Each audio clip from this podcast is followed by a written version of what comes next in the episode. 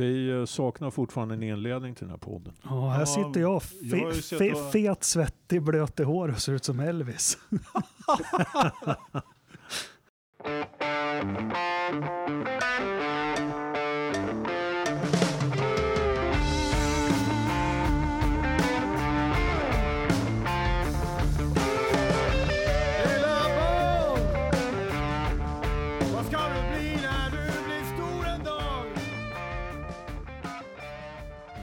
stängt av din telefon på tyst läge? Jag hittar den här. Så um. Jakob ska alltså vara programledare. Ja, eller moderator tycker jag låter bättre. Moderator? Men Nej. du är inte moderat. Nej, nej. Jag, Gillar ju inte Kristersson. nej, fy fan. Mm. Jaha. Oh, Det är någon som har sagt att han är så här lång också. ja. Pytteliten. Sådana, kan man inte lita på. Sen när jag såg han och Du, tillsammans kan, du med kan ju sina, inte lita på en enda F1-förare med andra ord. jag såg honom tillsammans med sin fru. Det var också ett omaka par. men Alltså, ja. okej. Ja. Jaha. Ja, men Ocon är väl okej. Han är inte F1-förare så länge till. Mm, Marcus är ändå... Marcus ju också hyggligt lång. han, de är Eller hit, är. Ja, 1,81. Alex han, han, han, han har inte slutat vara lång för att han inte kör F1. Han kan ju Snart. växa lite nu. Ja, ja. Åtminstone på bredden. Alex Wurz, han var ju inne på att han skulle kapa knäna ett Ja, han var ju ändå Kommer ni ihåg det? två var det. Mm.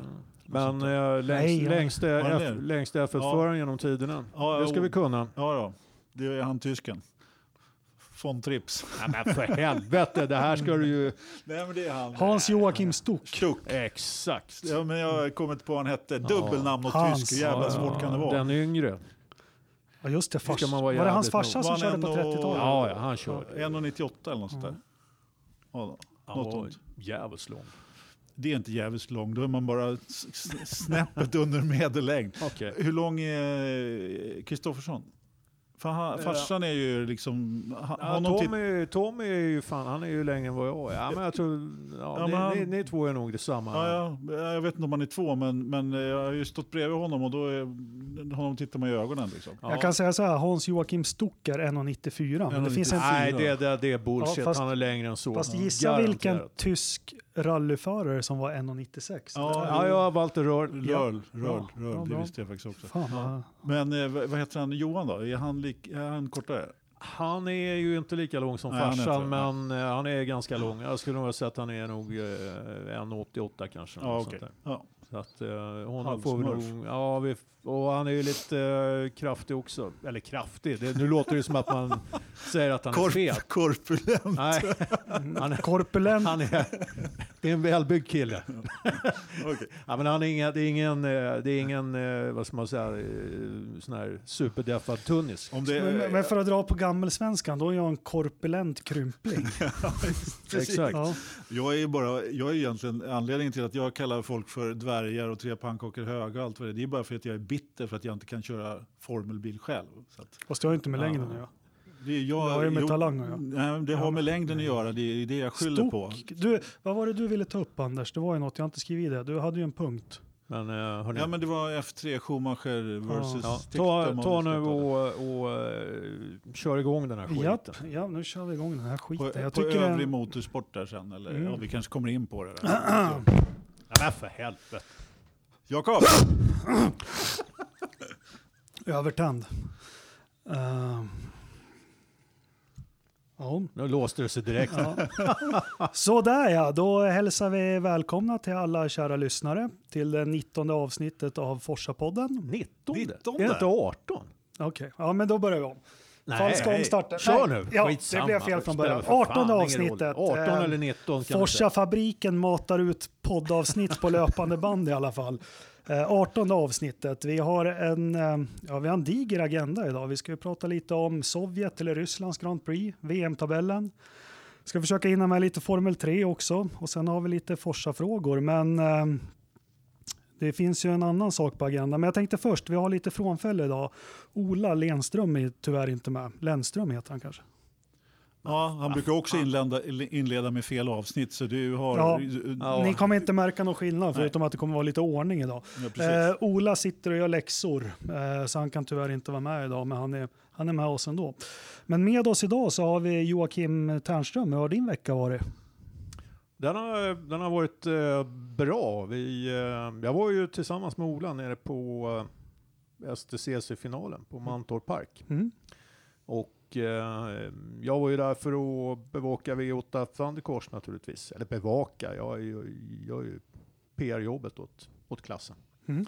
Men det var, det var en bra helg överlag får man lov att säga. Trots, eh, det var mycket, det var mycket oro i luften före den här finalen. Det var mycket snack om, om, om eh, eh, disciplinnämnd och överklagan och, och alla sådana här grejer. Och, och, och Greger Pettersson som ju har rättigheterna till TCR-reglementet hade ju eh, uttalat sig eh, i, i, i pressen om att eh, ja, det skulle lämnas både STCC och Svenska Bilsportförbundet. Och, och eh, jag förstår precis varför han sa det han sa, eh, med rätta upprörd.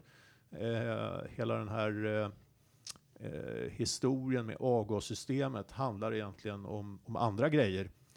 Eh, eh, som eh, disciplinnämnden då, SPFs disciplinnämnd, eh, hade ju med sitt beslut att, eh, och, och skrivningen av det beslutet egentligen underkänt eh, samma reglemente som man en gång genom racingutskott har eh, godkänt och sanktionerat för mästerskapet. Så att eh, det fanns eh, eh, ganska viktiga principiella frågor som, som restes av det beslutet. Men eh, det göts olja på vågorna. Eh, STCC och eh, Greger Pettersson då, eh, gick ut tillsammans och sa att eh, det, det är ingen fara, vi kommer att fortsätta jobba tillsammans. Sen eh, var det också så att eh, Johan Kristoffersson tog hem titeln i STCC. Och eh, han gjorde det på ett sådant sätt att oavsett överklaganden och protester och så vidare så, så är han mästare. Skönt. Så det, det tycker jag var väldigt skönt för, för sporten. Och eh, jag måste ju få nämna då att vi hade en jävligt bra final med V8 Thundercourse Mm. med eh, 15 deltagare. Eh, vi har haft ett eh, bra intresse från deltagarhåll under hela året, haft bra startfält och så vidare. Eh, vi fick en jäkligt bra final där våra deltagare bjöd på en jäkla rökshow på slutet. Ja, de hade, De alla tappade greppet. Alla, alla tappade greppet Ja. på slutet. Vi Ja. måste lägga upp det klippet i- på Forsen. Ja. Så att, eh, ja, nej, men så såg Ja. min helg ut. Eh, En bra vecka alltså för, för Ternström. Men sen såg jag något också för er som är lite intresserade av att köra och så. V8 Thundercars. Man kunde få komma ner på någon träff nu och hur det går till om man vill köra V8. Ja, den Thundercars. 6 oktober så är det test på Gelleråsen. Mm. Och eh, då är det så att man ska anmäla sig till eh, Performance Automotive Scandinavia och Tony Bryntesson. Eh, jag får väl dela det inlägget också. Mm. Annars kan man gå till V8 Thundercourse hemsida www.v8thundercourse.com så ligger inbjudan där. Men eh, eh, då gäller det att snabba på. Det är många Mm. som är intresserade och eh, det gäller ju också att man eh, har för avsikt att eh, ambition att eh, köra köra säsongen 2019 också om man ska testa. Så det är, det är inte bara nöjeskörning. Nej. Så har ni en slant över och killar lite i högerfoten så vet ni vart ni kan vända er. Anders Lövström med F. Hur har din vecka varit? Jo tack, inte lika spännande som Ternströms. Jag har ju Mm. bara jobbat. Och det är ju, ja, det är som det är. Nej men jag har, i helgen som var innan så tittade jag på lite M och lite F3 och eh, packade flyttkartonger. Det är så jätteroligt. Så Mm. att, eh, det är väl ungefär så, Spännande. eller hur? Det är du och Joe Savard. Ja. Ska han också flytta? Ja, men jag har lyssnat på lite poddar, Apex, eller vad den heter. Ja, ja, ja. Mr Apex. har, ja, det har varit ett par, tre eh, intervjuer med honom. Han har pratat flyttkartonger. Ja, men eh, ja, det, jag är, du kan kalla mig för Forza-poddens Joe. Ja, men, Ja, jättebra. Men ni ser laddade ut herrarna här. Så Oh ja. jag tror vi klarar oss utan Ola, för ni ser riktigt tända ut. Det här blir jättebra. Innan vi går över på det självklara huvudämnet så har vi en intervju faktiskt som Joakim Dyredan på Automotorsport har gjort med Marcus Eriksson som vi kommer... Vi har några frågor och, och svar från Marcus här som jag tänkte att vi ska lyssna lite på nu. ja, det blir några valda klipp från den intervjun. Mm. Hur ser du själv på säsongen som har varit hittills? Jag tycker det har varit en bra säsong. Eh, framförallt, liksom, man får ju ta lite jämförelse med de sista två säsongerna som var väldigt tuffa där man alltid slogs liksom i botten och det var bara teamkamraten egentligen man kunde jämföras med. Nu i år så har vi varit med och fightats i mittfältet egentligen hela säsongen och tagit en hel del poäng, slagit som poäng egentligen var och varannan helg. Eh, så det tycker jag har varit riktigt positivt, liksom, att, att vi som team har tagit sådana steg framåt. Och tycker även jag som förare har liksom utvecklats och levererat på en högre nivå. Så, så överlag tycker jag det har varit en, en bra säsong. Mm. Eh, favoritbanan kommer snart, Suzuka där då. Mm.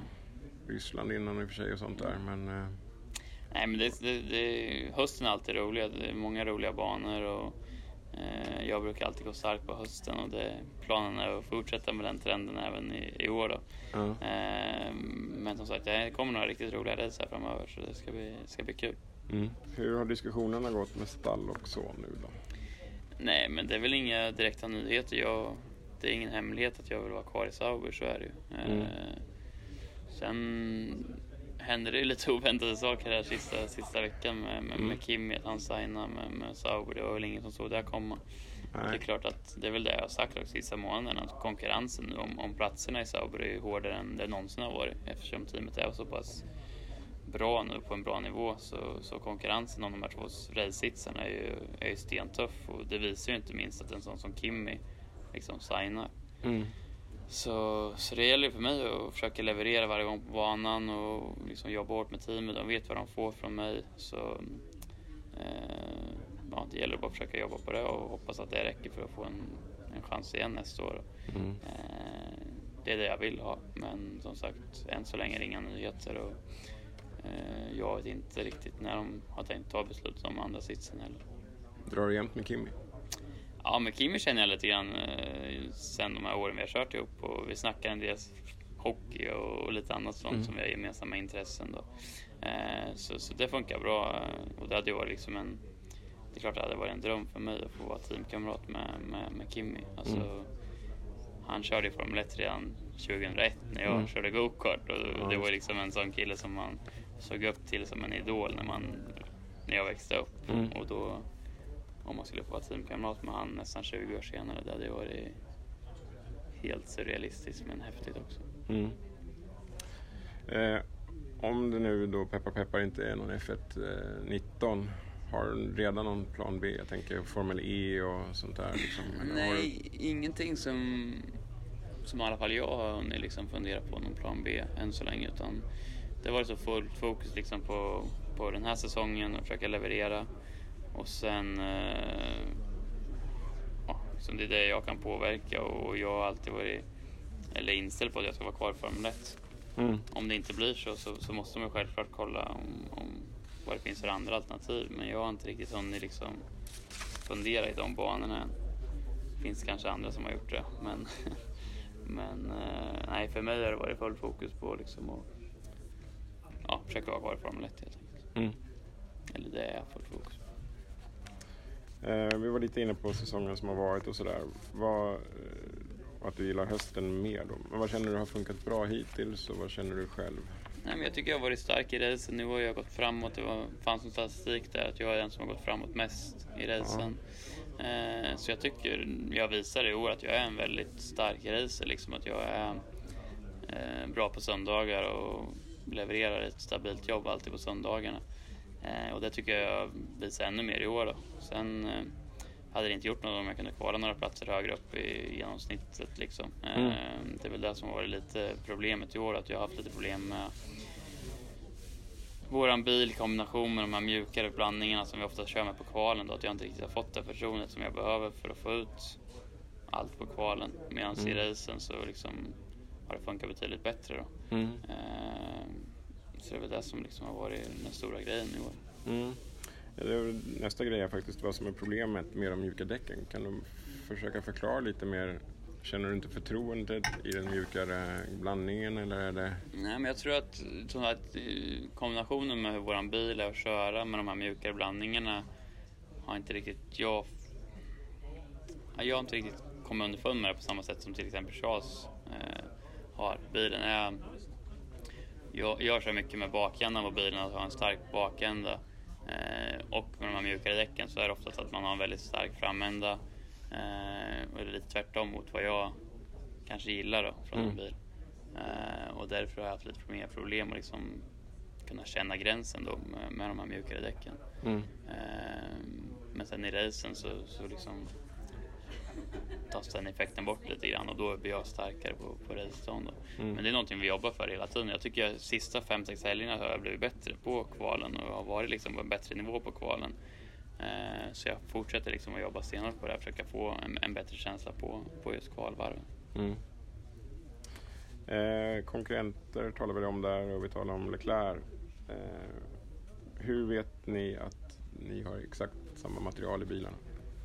Det kan man ju såklart aldrig veta men, men jag litar på teamet liksom att, att de ger mig samma förutsättningar. Och, eh, det måste jag göra. Liksom. Jag kan inte gå runt och tänka att, att han får andra förutsättningar. Liksom, som, jag förutsätter att vi får samma material och samma förutsättningar. Det, det är så man måste tänka. Mm.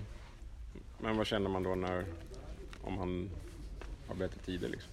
Vad, Nej men det, då har han gjort ett bättre jobb så då gäller det att man, man fokuserar på liksom, köra bättre. Det, det är så man får tänka. Ja, som vi sa, vi hade en agenda, men det självklara, här är ju Forsa-podden sist på bollen och det har väl inte undgått någon att eh, Marcus blir utan en styrning. Nu har han ju en tredje styrning nästa år. Eh, Alltså om, om vi hade spelat in på vår ordinarie sändningstid, det vill säga tisdagar någon gång efter jobbet, så hade vi ju varit absolut först på bollen. Eller inte först kanske, men vi hade varit eh, betydligt snabbare. Men nu har vi ju strulat lite. Ternström var tvungen att jobba och ja, ja, vi skyller på allt i stort sett som går. Kanariefågeln bröt benet. Men därför, därför kommer inte vi lämna de självklara kommentarerna till varför det här har hänt och att det är orättvist eller någonting, utan vi har haft några dagar på oss att analysera det här. Så Ternström, vad beror det här på? Det beror på att eh, Marcus inte har eh, presterat tillräckligt bra. En del vill ju göra det här till en fråga om politik och pengar bara. Eh, men jag skulle vilja säga att hade Marcus presterat på en högre nivå så hade han haft med sig även det in i en förhandling. Presterar man inte så blir man ett offer för politik och pengar. Skulle jag vilja säga. Eh, jag tänkte få ta avstamp innan vi släpper in Anders hit. Eh, vi har ju våran, jag kallar honom Dr. Farkas, men jag tycker han skriver någonting som jag har försökt sätta fingret på sen vi började diskutera Marcus i avsnitt ett. Men han, han skriver lite så här i sin blogg. Att Marcus överhuvudtaget tog sig dit och höll sig kvar i fem säsonger är och förblir en stor bedrift. Både av honom själv men också av hans management. Med tanke på hur enormt svårt det är att ta sig till kungaklassen. Sen så skriver han faktiskt ett stycke senare som jag tycker, det är det jag har försökt sätta fingret på, att hans resultat i de lägre klasserna tydde definitivt på fallenhet, men inte på den sortens begåvning som blåser konkurrenterna av banan. Håller du med om det här, Anders? Ja, ja. Det där skriver jag under på vilken dag i veckan som helst. Definitivt. Eh, sen kan man ju ha åsikter om eh, hur karriären har gått innan och vilka resultat som var bra och vilka som var dåliga och eh, vad som har gjorts. Men eh, jag, jag är faktiskt lite så tråkig så jag håller faktiskt med Ternström. Ja. Helt otroligt. Det, jag tror att i år så var det så att när Kimi ringde på söndagen eller måndagen efter Italiens GP så var det rätt lätt att svara ja på den där frågan. Alltså, vill vi ha en eh, ki- 39-årig Kimi Räikkönen körandes för oss två år till? Och han kommer ju liksom sälja en miljon kepsar första dagen eh, marknadsföringsmässigt och, och med all den, det uppsving som Sauber får. Ja, det var rätt lätt att svara ja på den frågan tror jag. Hade Marcus däremot gjort väldigt bra resultat fram till det så tror jag att det hade varit svårare i alla fall. Jag säger inte att det inte hade blivit samma resultat ändå, men eh, alltså, jag tror att Marcus sa i något utav, eh, på frågorna att han tyckte att säsongen hade varit bra. Nej, den, i år har hans säsong inte varit bra alls. Han har gjort en del bra, eh, ja, som Ternström skulle säga, bra stintar på soft. Liksom. Men, men det har inte varit, nej, men han, har inte, han har inte rosat marknaden som en annan eh, kommentator skulle ha sagt. Men Ternström, vad, vad skulle han behövt gjort den här säsongen istället då för att ha varit med i diskussionen tror du? Rent prestationsmässigt? Ja. Han skulle ju ha behövt matchat Leclerc naturligtvis. Hade han gjort det eh, så eh, hade ju kanske saken eh, varit i ett annat läge. Men, men eh, eh, jag vet att det är också många som eh, har, har poängterat att ja, nej, han blev inte ersatt av Giovinazzi, han blev ersatt av Kimi Räikkönen. Ja, den, är, den är viktig att poängtera. För. Ja, och det är sant på ett sätt. Men samtidigt så är det så att när väl Kimi var klar så eh, fanns det ju så att säga bara ett val för Sauber. Och det var mellan Giovinazzi och Marcus. Nej, det var ju inget val. Nej, och, och det kanske inte var något val just av den anledningen att de, de, eh, det, det fanns det, det, liksom det, det, det fanns ingenting i vågskålen för Marcus i det valet så att säga. Utan, ha, men hade Marcus presterat, hade han kört ifrån Leclerc, ja då, då hade det ju kanske varit så att eh, Leclerc inte ens hade varit kvar i teamet. Han kanske, det kanske hade varit han som inte hade kört F1. Så att det, det. Alltså, Eh.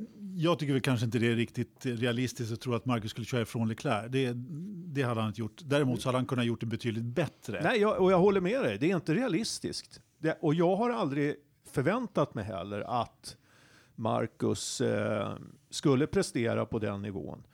Jag, jag tycker snarare att han har presterat på den nivå som jag har förväntat mig med tanke på eh, hur det har sett ut i GP2 eh, och tidigare i karriären för honom. Och i, i det perspektivet så tycker jag att han har gjort ett, ett bra jobb i F1. Eh, sen är det ju naturligtvis så att, att eh, det bland fans och inte minst Marcus själv har funnits en förhoppning om att det skulle kunna gått betydligt bättre.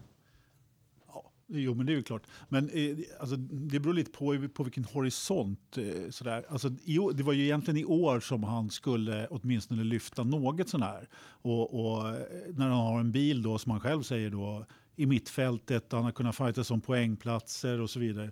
Sen då att han har eh, nästa storstjärna i Leclerc då, som i princip har krossat honom på, i vissa tillfällen. Det hjälper ju inte till. Jag ser ju, ser det ju som att han har varit väldigt ojämn i år. Ja men absolut, absolut. Men, men, men vad, vad tror ni? Jag tänker, jag satt faktiskt och analyserade det här för mig själv. Och det är lätt att missförstå att man gnäller och vill hacka på Marcus. Det har faktiskt inte med det att göra. Det har att göra med att världens största och mest avancerade sport egentligen med 20 stycken deltagare. Och jag tycker det är ett evigt prat om att Marcus utvecklas, men han är faktiskt på säsong fem nu. Och, om, om vi jämför med andra förare, vad de presta, pre- presterar i säsong fem, oavsett om de sitter i en vinnarbil eller inte, så har de en helt annan utveckling kan ta Alonso, han började med ett år i Minardi, sen körde han två år i Renault, sen, sen tog han VM alltså, det var en stadig utveckling. Vi kan se det på andra mittfältsförare också, att de utvecklar större steg. Han har faktiskt haft fem säsonger på sig, Ja, det är det- lång tid i Formel 1. Absolut, och, och det är även så ehm, eh, när han kom till Sauber så eh, eh, kan man väl säga att han var väl lika erfaren eller oerfaren som, som eh, Felipe Nasser ungefär. Va? Eh, och sen eh, eh, slog han ju Nasser under 16. säsong, säsong två, om än knappt. Men sen året därpå då så kliver Pascal Wehrlein in i teamet. Och, och Pascal Wehrlein är ju debutant. Mm. Eller förlåt, han körde för... Eh, han hade en säsong i... Eh, Marussia, eller vad heter? Marussia, ja. Ja. Manor. Men, Så, så, så var det. Men, men, men eh, i alla händelser så var Marcus, eh, han hade ju två säsonger i teamet. Det var ju hemmaplan för honom det där. Och han hade ju jättesvårt att, att, att matcha Wehrlein, ä- även om man kan hitta siffror där, där han eh, slår Wehrlein, men, men väldigt knappt. Och eh, det var ju också så att Wehrlein var ju skadad i inledningen av säsongen. Han fick ju stå över ett par race där.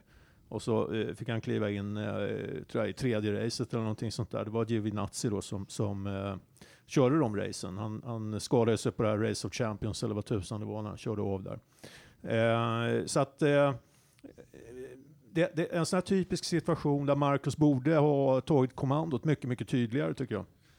Ja, men du är inne på en intressant Jakob med, med erfarenhet och gå framåt och hela det. Och jag tror att eh, det är anledningen till att Marcus inte är i Formel 1 eh, nästa år. Det är att han inte har gått framåt i år. Däremot så håller jag inte med om det här i hans karriär tidigare. För där finns det så väldigt mycket som gör. Och jämför med Alonso som går till en, till en VM-vinnande bil säsong 3.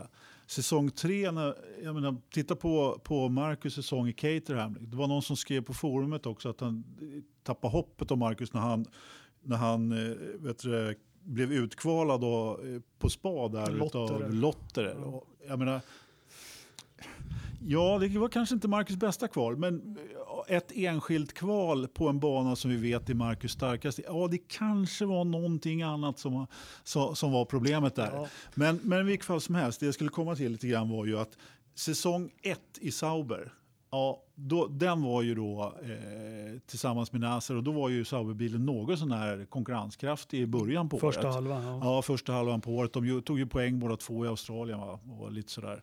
Så, att, så där fanns det ju ändå lite grann att göra. 2016 så var ju bilen inte bra. Den eh, var ju liksom riktigt gammal. Och, och att Marcus slog eh, Nasser där, ja, han, han, han hade nog kanske bättre kvalstatistik och så vidare, men han torskade med två poäng i VM det året. Ja, jag, bry, ja, jag ja. bryter Men- in där. ja, Ja, men- ja. Ja, jag bryter Ja, in men det. det, det är det jag kom till i första avsnittet vi någonsin sände. Då, då hade jag ett resonemang att, som jag tror Marcus faller på också som du säger, men första säsongen med Sauber och Nasser, ja, då var bilen bra, men Nasser kom femma, Marcus nia. Så fort tillfälle har getts att göra resultat och det är lika i år, då är det alltid stallkamraten och det är trots allt poängen som räknas. Ja, ja, men så är det ju definitivt. Och jag- jag skulle vilja säga det, alltså, nu har inte jag analyserat eh, 2015 där eh, ordentligt eh, så här i efterhand och, och kollat eh, exakt vilka lopp som, som var si och så. Men Marcus var ju, han hade inte självförtroende då. Nej. Då var han nybörjare, helt klart. Nasser han tog för sig bättre, det gjorde han. Där är jag helt med. 2016 när han blev lite mer varm i kläderna, ja, där var det, det som skilde dem då, de här två poängen i VM, det är ju Nassers... eh, Brasilien. Brasilien, Mm. ja, precis när han kom nia. Och där, ja, ma- man, man ser inte förutsättningarna, man läser bara tabellen i efterhand. Ja, så kan det vara. Jag kommer exakt ihåg förutsättningarna i Brasilien 2016 när, när Marcus snurrade för att han hade blivit intvingad i depå på, på slicks och man behöll Nase kvar på regndäck. Så man, man körde ju liksom en test med ena föraren. Och det är klart att det kan ju vara lite surt då när man har, ett övertag över säsongen på, på stallkamrater. Men visst, det är ju sånt som händer i racing överhuvudtaget. Väldigt mycket Ja, men utav vi- den vi- vi- typen av grejer. Man läser på vårt forum också eh, och eh, ja, men svensk media och så. Vi har fortfarande en bild av att Marcus är en nybörjare och behöver tid på sig. Det är det jag ställer mig emot lite. Sen jämförelse med Alonso, med det jag försöker komma till, det är att ta steg i karriären oavsett om du sitter i en bra eller dålig bil, att man tar steg i karriären. Eh, som Fisichella inte gjorde mot, mot Alonso till exempel till Renault. Men Tärnström Ternström, du hade något, jag avbröt dig där lite. Jo, nej men, eh, visst, det är mycket sådana där grejer och väldigt mycket sådana här saker som har uppstått runt Marcus. Och jag tror inte att det är en slump. Utan jag tror att eh, många av de här felbesluten med, med strategier och annat egentligen bottnar i att, att eh, man från teamet inte har haft det fulla förtroendet för hans eh, speed helt enkelt. Och man har ju kört med väldigt märkliga strategier, man, man, eh, när det gäller däck och så vidare, så, så har man ju vetat att man får inte ut max. Nej, det där i- köper inte i jag speed. alls. Ja, men det, det, någonting måste det ju vara. Och, och hur många gånger har vi inte sett honom eh, starta på andra däck än, än eh, teamkamraten och sen försöker man hålla ut så länge som möjligt i förhoppning om att en säkerhetsbil ska komma ut. Va? Ja, äh, men alltså, det jag pratar om är ju egentligen inte när han kört på konstiga strategier. För det gjordes ju väldigt mycket under både 2016 och 2017. Med, med kon- de hade ju inte en konkurrenskraft då, så de prövade ju både det ena och det andra. Och ena gången så gick det bra, och andra gick det, gick det dåligt. Men det jag pratar om det är ju de här besluten som är tagna, som Brasilien 2016, när man tvingar in honom i depå och sätter på slicks. Jag menar, så, så, sånt hål i huvudet finns ju inte. Sen rena, som man, väl, man ska inte prata om tur och otur, men säsongen efter då, eh, och Verline eh, 2017, vad, vad, vad, vad är det som gör att Verline eh, klår Marcus poängmässigt i VM? Jo, att Marcus gick in ett varv före Virtual Safety Car i Spanien som, som gjorde att Verline tog den där eh, platsen och sina eh, fyra poäng eller vad det var som han fick. Eh, ah, Alltså det är ju, kalla, det, jag säger att det, de, den typen av händelser är tillfälligheter. Sen håller jag med dig om att det inte är tillfälligheter kanske när man kör en viss strategi. Men här var det ju ren liksom otur. Men det, det, det, det är nästan ett mönster som har upprepat sig tycker jag. Eh, 2015, Mark, Marcus gör, gör, gör, eh, gör eh, en bra prestation, blir åtta, men blir övertrumfad av Nasser som blir femma. Det var i samma race om jag inte minns fel. Ja, samma i Kina, racet efteråt tog Ja. han väl också poäng och Nasse var två. Eh, och, och, året därpå så eh, var ju Nasser den som lyckades ta poäng och, och eh, Marcus var inte bättre än 11. ja, men det var ju Brasilien Ja. som jag precis har Ja, berättat precis. om. Häng med lite nu. Ja, ja. Men, sen, och sen hade vi samma sak eh, 2017. Ja, det var Värland som, som fick liksom den här riktigt bra prestationen som höjdes över mängden under året. Ja, och det var den virtual Ja. safety caren som jag Ja, pratade om i Spanien. ja. Det, var, det var inte så att det var över ett hel, hela Nej. säsongen, utan det var två enskilda händelser, en gång där, en gång där. Sa, men, men samma sak i år. Eh, Marcus eh, gör ett jättebra race. Eh, Bahrain. Sen var det racet efter så, eh, så kommer Leclerc och slår till med en sjätteplats. Alltså, det, det, det är de här guldkornen som saknas i, i, i Marcus eh, eh, karriär. va. Alltså i år, i år så, där, den är ju, Ja, ja. den är ju klockren, absolut. Men han har hela tiden konsekvent hamnat i skuggan på något vis. Va? Och det, det är ju jävligt tufft. Men, det, men, men är det inte logiskt att det blir så här ändå då? Eh, Att det inte blir någon mer körning? Det känns Ja. om, vi, om vi ska värdera honom som vilken förare som helst och, och, och Ja men så är det. Så är det. Jag, jag, jag skulle bara vilja eh, flika in med en grej, för att jag lyssnade på eh, VF-podden, heter den, Värmlands Folkblad där, som har, har en podd. Eh, där Janne Flash Nilsson är med. du menar Och- de som inte visste vad ett förkval var? Ja, ja, men det, nu, nu, nu, nu håller vi oss till det de visste vad de pratade om, det, det vill säga Marcus, eftersom Flash eh, var involverad i, i, eh, i Marcus karriär fram till eh, sista året innan han gick till F1 då, tillsammans med Kenny Bräck. Och eh, Var det verkligen så länge? ja, jag tror det, eller kanske var ytterligare något år innan. Ja, strunt samma. Eh, de var involverade därför att de naturligtvis trodde på Marcus. Ja, de hade ju Eh. långa uttagningar. Du? De hade ju uttagningar bland väldigt många Ja, ja, men det var ju långt innan Ja, dess. ja. Så att, eh, så att eh, både Kenny och, och Flash har har väl varit med på den här resan en ganska bra, bra stund tror jag. Eh, och eh, jag vet att eh, Janne har ju inte pratat någonting om, om, eh, om Marcus, eh, som jag har sett eller hört i alla fall, fram till nu. Nej, man fick ju uppfattningen om att det var han som uppfann Marcus lite grann där i podden. Lite som Det- lite det- vanligt flashsnack. Ja, ja, Janne Flash har uppfunnit mycket. Ja, jag vet.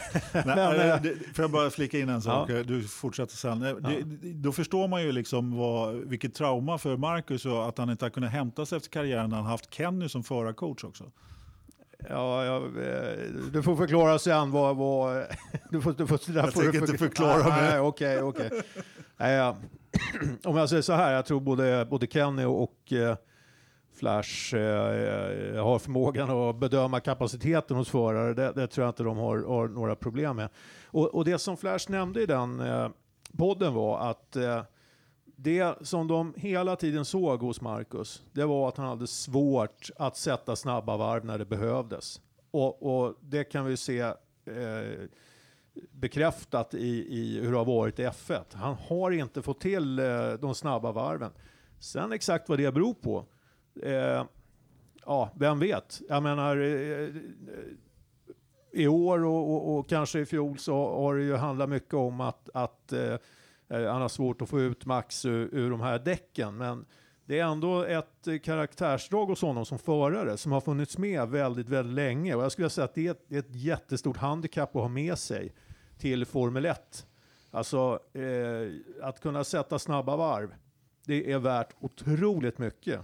Och, och är man de här tiondelarna efter som Marcus har varit, det, är, det, kan, det, kan, det, det kan man i princip eh, översätta i pengar alltså. För det är ju enorma pengar som teamen lägger ner på att få de här bilarna. På att hitta en extra tiondel eller två kostar ju miljoner.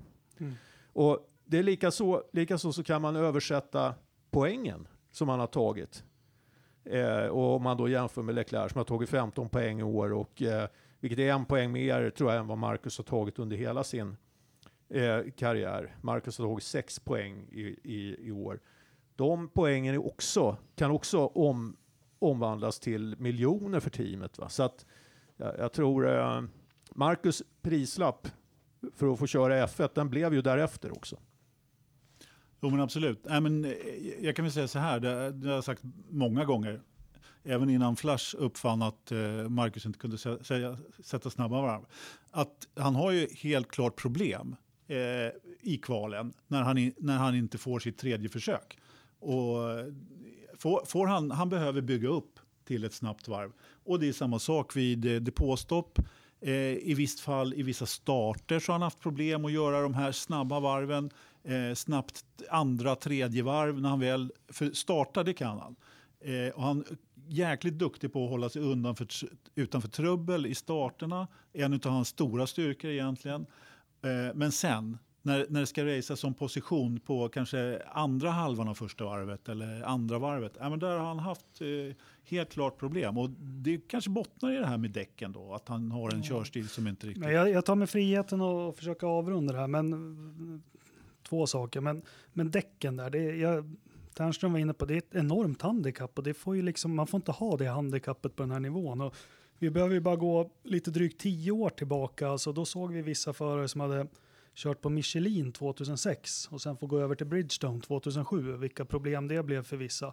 Där har vi återigen nu mycket Alonso här, hur han kunde anpassa sig. För många tillskrev ju hans VM-titel att han kunde köra Michelin-däcken på ett visst sätt med, med den där Renault. Och han klarar av att anpassa sig. Hamilton hade jättesvårt. Han var ju inte påtänkt som förare för 2007 för han inte kunde köra på Bridgestone-däcken. Han var van med, med Michelin-däck. Men nu, han kunde ju anpassa sig här till slut. Och det ser man också nu när de har gått över till Pirelli, vilka som hade svårt att, att köra på Pirelli och vilka som fick det hålla. Så det, det tycker jag, det är, ett- det är ett handikapp som man, det ska man väl inte ha uppe på den här nivån. Det måste man ha jobbat bort på något vis. Nej, men, alltså, jag håller med dig helt och fullt. Det är klart att det behövs, alltså att kunna anpassa sig efter förutsättningarna, sen vilka förutsättningar det är. Det, det är men däcken är ju en ganska stor bit. Sen går ju det igen i hela hans körning där, att han inte är snabb första två, tre varven, men han är ju inte för snabb första två, tre månaderna. Utan han pratar ju alltid om, nej men, det här, jag försöker inte göra mig Ja. rolig, men det är alltid det här att hösten, det blir en självuppfyllande profetia. Jag är bra på hösten. Ja, försök vänd på det. Jag, Man, man ska ju vara bra hela året, Ja. Det- för det finns ju liksom inget annat. Ja, Men jag- jag, jag- jag, för sig, jag tycker i år så var han väl, blixtrade väl till lite då på, Ja, på något sätt och så vidare. Men, Mm. men, men visst, visst är det så. Men äh, jättetrist för Sverige att vi inte har någon formel. Det är faktiskt trist. Jag, jag känner ju inte så där jättemycket för det, men det är, ju, det är ju tråkigt. Sen fick han väl kanske inte det genomslag i Sverige. Jag tänker på sonen och hans kompisar. De vet ju inte vem Marcus Eriksson är. Ungefär som ni små killar visste vem Ronnie Pettersson var. Men det är ju andra tider nu. Vad tror ni om framtiden för Marcus då, Ternström? Ja, Tredje det- förare, ambassadör. En Ja, hittepåroll? han har ju fått någon sån roll där och eh, ja, jag vet inte vad, vad, vad den innebär riktigt. Eh, och jag kan ju tänka mig att eh, jag vet inte, vem fasen som helst som skulle bli, eh, få en spark snett nedåt bakåt i, i eh, en organisation eh, känner väl sig inte sådär himla motiverad och nöjd med det. Så att jag, jag vet inte, jag läste intervju att han uh, tittar på Indycar och gärna vill köra någonting annat. Mm, kul. Eh, det tycker jag också, det, det är naturligtvis vore ju roligt och det vore bra. Eh, jättetråkigt att, att eh, vi inte har Marcus kvar, för, eh, för egen del så eh, är det nästan Marcus som har Ja, det, det är nog det som har bidragit till, att, att, till mitt återuppväckta intresse ändå. Även fast jag vet att när man tittar på mina inlägg på forumet eller när man hör mig i podden eh, så är det säkert många som vill tro att jag eh, skulle vilja att det gick åt helvete för Marcus att jag fick mina teorier bekräftade. Liksom. Men, men eh, det, det är faktiskt inte så. Jag eh, hade hoppats på att det skulle gå mycket bättre för Marcus och eh, ja, ja, ja, ja, det är tråkigt att han är, inte är kvar. Vad tror du då, Anders? Nästa steg? Jag vet inte riktigt. Om man vill vara i bästa fall så är ju den här pa- form av pappersprodukten tredje förare, ambassadör. Eh, så, så, så är han ju kvar för att vara någon slags backup om eh, Giovinazzi inte levererar. Men alltså den, den riskchansen är ju så pass liten så att den är, vet jag inte En riktigt. del har ju några riktiga trollteorier Ja, om att Kimmy ska byta tillbaka med Leclerc efter några Ja, lopp. Ja, det. men, men, eh, men vä- vänta nu, vi backar tillbaks ett avsnitt i podden. Vem var det som skulle lägga av? Jo, Fettel. ja, just Ja, det. där har ja, Ja, du, just det. du ja. tänker så. Du Ja. tänker så. Ja, Och om du- Fettel skulle lägga av, vad händer då? Ferrari måste ju ta tillbaks Kimi. Och Ola blir ledsen. Ja, ja, men det, eh, han är väl alltid ledsen, är han inte det? Men eh, eh, nej, det är så osannolikt. Så att, eh, Ja, nej, men det är väldigt osannolikt. Nej, men alltså, ja, det jag tror om Marcus är, det jag hoppas i alla fall är att han eh, kör väck. Det är vad jag hoppas. Jag tror att det skulle passa hans körstil bra. Jag tror han skulle göra sig där. Jag tror att det skulle funka.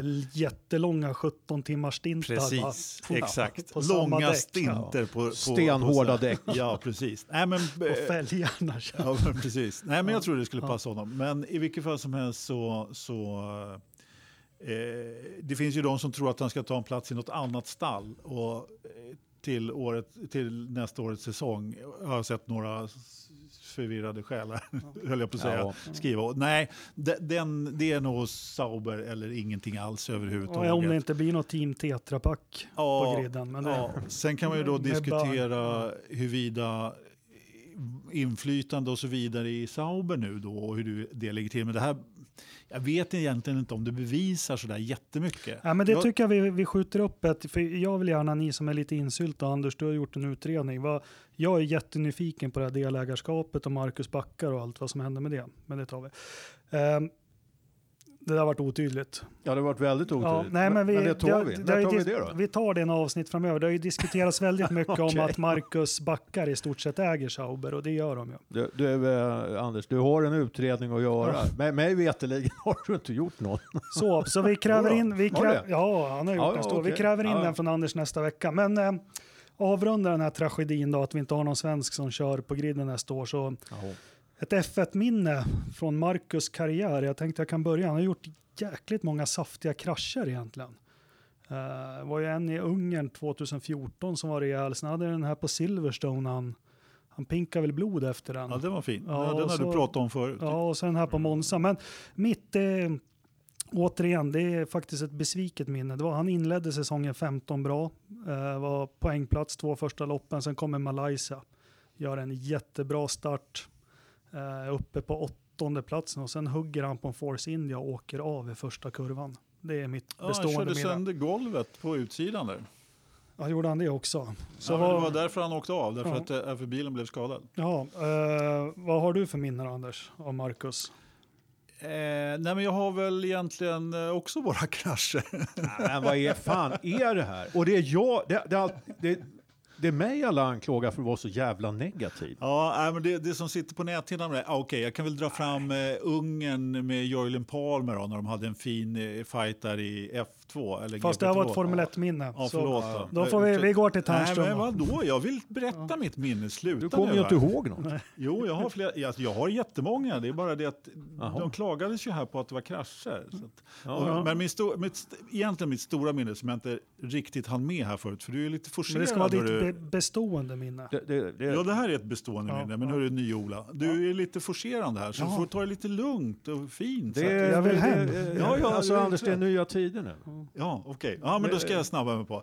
Nej, men eh, eh, Vär- eh. Eh, men fan var det nu som han kraschade in i Monaco? Det är mitt bestående minne. Ja, Då- Nasser. Ja, ja, det var Nasser. Ja. Sista året, ja precis. När han var extremt frustrerad och inte kom om Nasser där i Monaco. Försökte han köra över Ja, honom? ja, och jag tyckte att... eh, det var väl enda gången det året som eh, Marcus visade lite stake och verkligen, nej men nu skiter jag i det här. Och det tycker jag var, det var helt rätt gjort. Mm. Men då, då ska jag ta och dra eh, ett par minnen. Eller, sagt, ja, det, blir, det blir två stycken. Det ena eh, blir ni inte så förvånade över. Men det andra minnet vet jag att ni kommer att hålla med mig om. Låt höra. Ja. Och det här är positiva minnen. Tror jag inte förrän Det, jag hör det. ja, men det, det ena är Bahrain i år.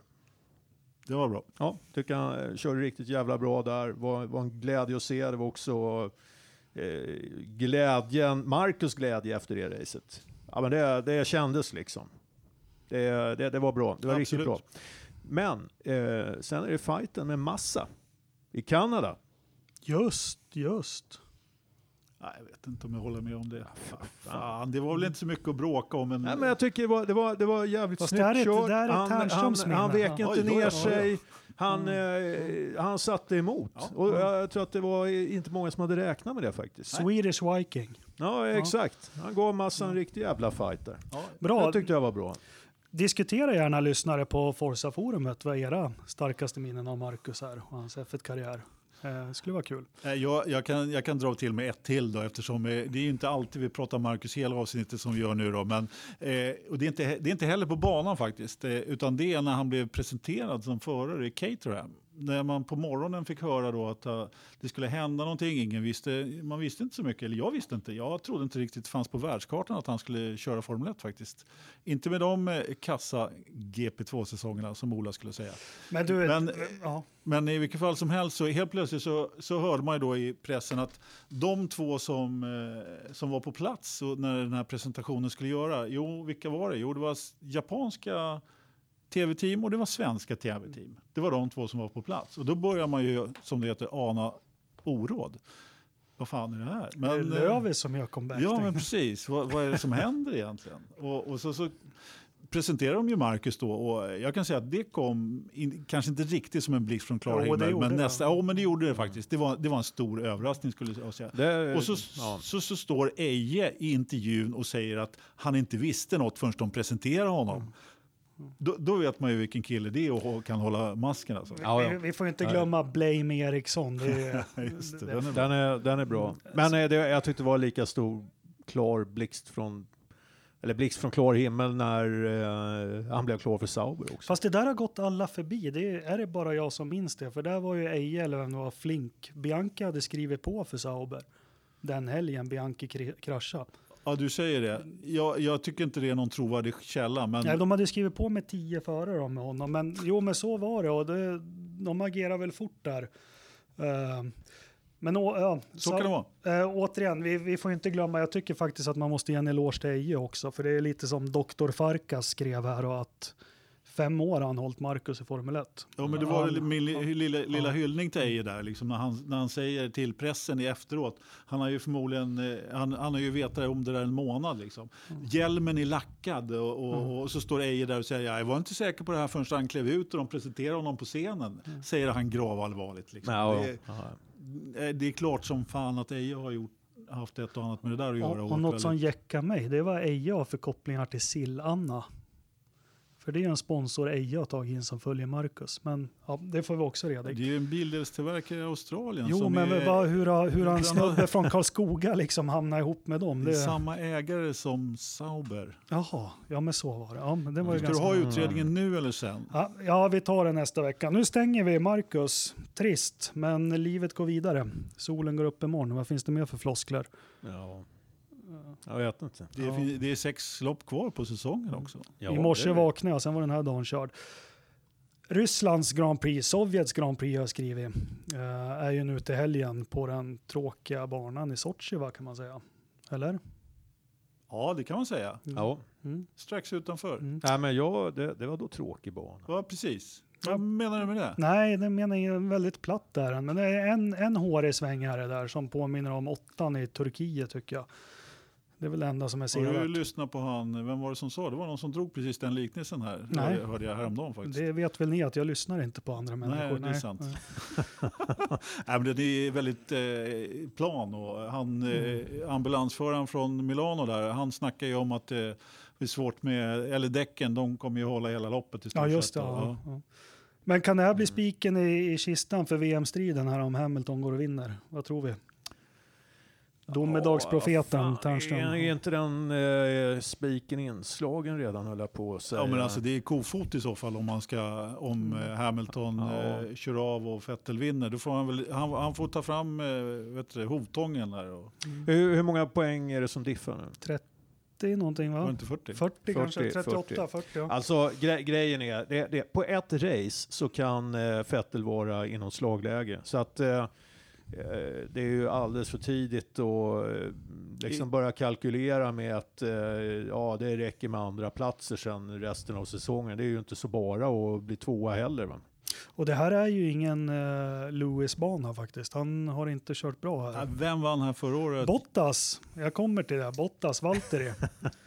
Fan snygg tröja du har på dig. Valtteri. Nej men eh, vi ska prata lite om Valtteri sen. Han får ju alltid lite tid i våra avsnitt. Men eh, vad tror vi om loppet då? Vad, Alltså jag, jag tror ingenting om loppet eh, i sig egentligen, utan eh, alltså det, det det handlar om här nu, det är ju en fight mellan Lewis Hamilton och, eh, och Vettel och en fight mellan Mercedes och eh, Ferrari. Och vi kan ju konstatera att eh, Ferrari och Vettel eh, är ju lite gungning. Och, och ja, vi var inne på det förra podden också, att, att eh, eh, Vettel har ju kommit med en del sådana här eh, lite defaitistiska uttalanden som man kan Vad sa du? Vad det, det betyder för, Defaitistiska.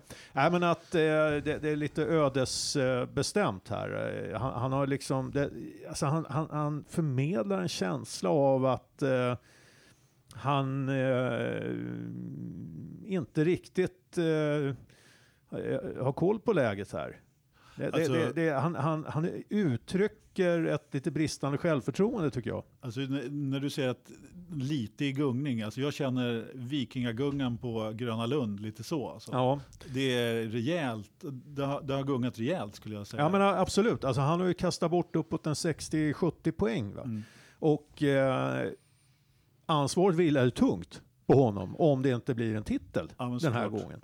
Och sen har det ju dessutom börjat hända andra grejer och det var vi också inne på eh, tidigare poddar när det var klart att eh, Leclerc skulle köra för Ferrari. Att Vettel börjar nog känna liksom att marken är, den rör sig lite grann under honom.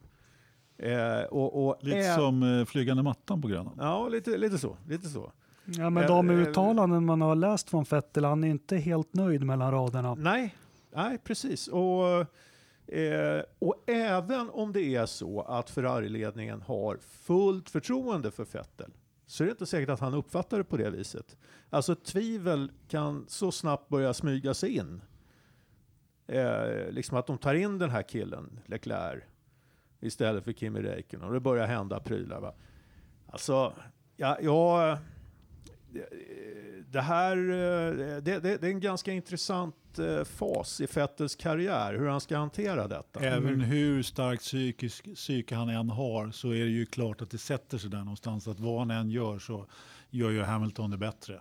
Eh, och ja, med de misstagen som han har Ja, gjort. men att Vettel har psyke som ett korthus, det har vi. Det, ja, men det, det känner vi till allihopa. Men uh, den stora Räikkönen, Kimmy, kommer han vara lojal här med Ferrari? För det verkar som Bottas har accepterat och teamet gått ut med att han, han ska hjälpa Hamilton nu.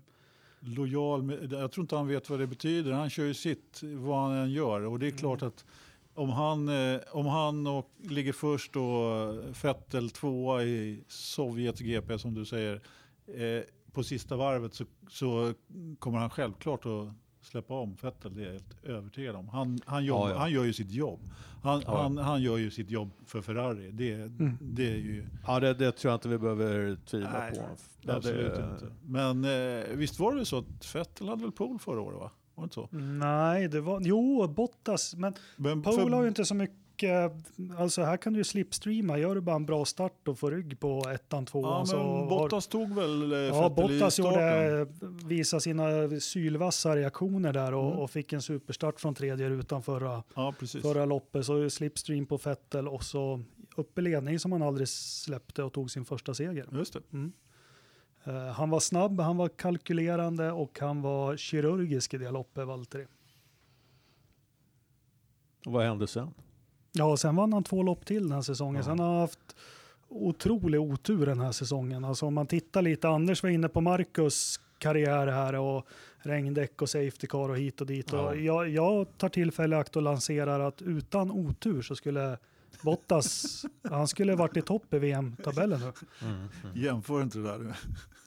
Ja, nej men eh, jag, eh, alltså Bottas är lite av en perifer figur i, i eh, årets VM. Ja, Och eh, jag tror inte han kommer att eh, spela någon större roll. Även när det gäller eh, Bottas så tycker jag att han eh, utstrålar också väldigt dåligt självförtroende. Och det ska han ju göra. Tror fan det. för så jävla långt efter som han var i Singapore. Det, det är liksom, det, det knäcker. ja men det, Eh, det det. vänder för Valtteri nu, för vet du vad? Du gav ju råd till Marcus. Jag skickar faktiskt ett private message till Valtteri på Instagram. här och Gett han lite råd. Ja. Ni kan skratta nu, men ni får se i helgen. okej. Det Ja. kommer bli en Vad, show. vad, vad var det för råd? Ja, det berättar jag efteråt. Vi skrattar nervöst här. Ja, nej, men det kommer bli jättebra.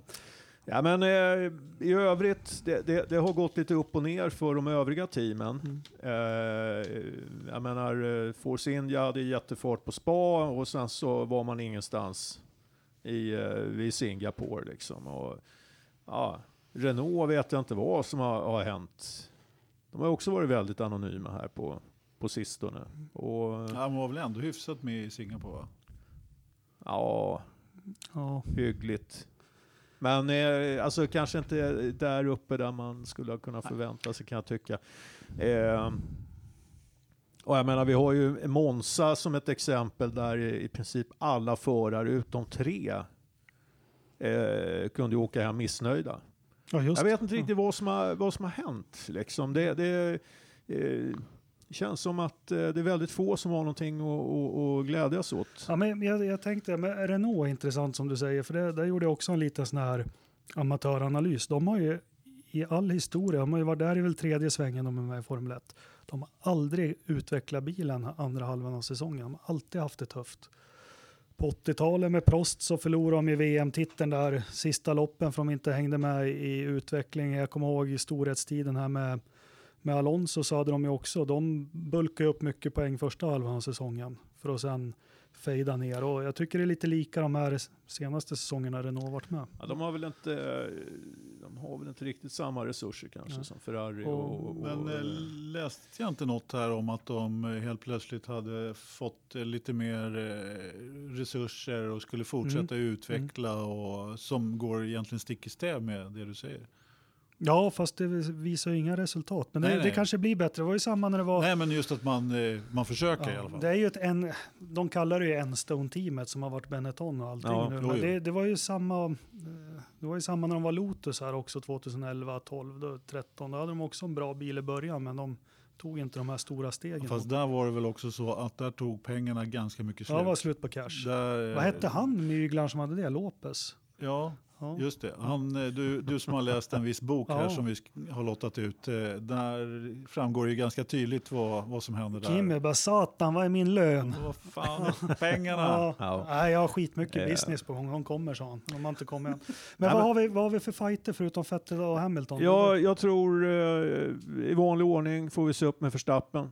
Mm. Även om eh, bilen i, i nuläget är, inte riktigt räcker till eh, mot Ferrari och, och Mercedes.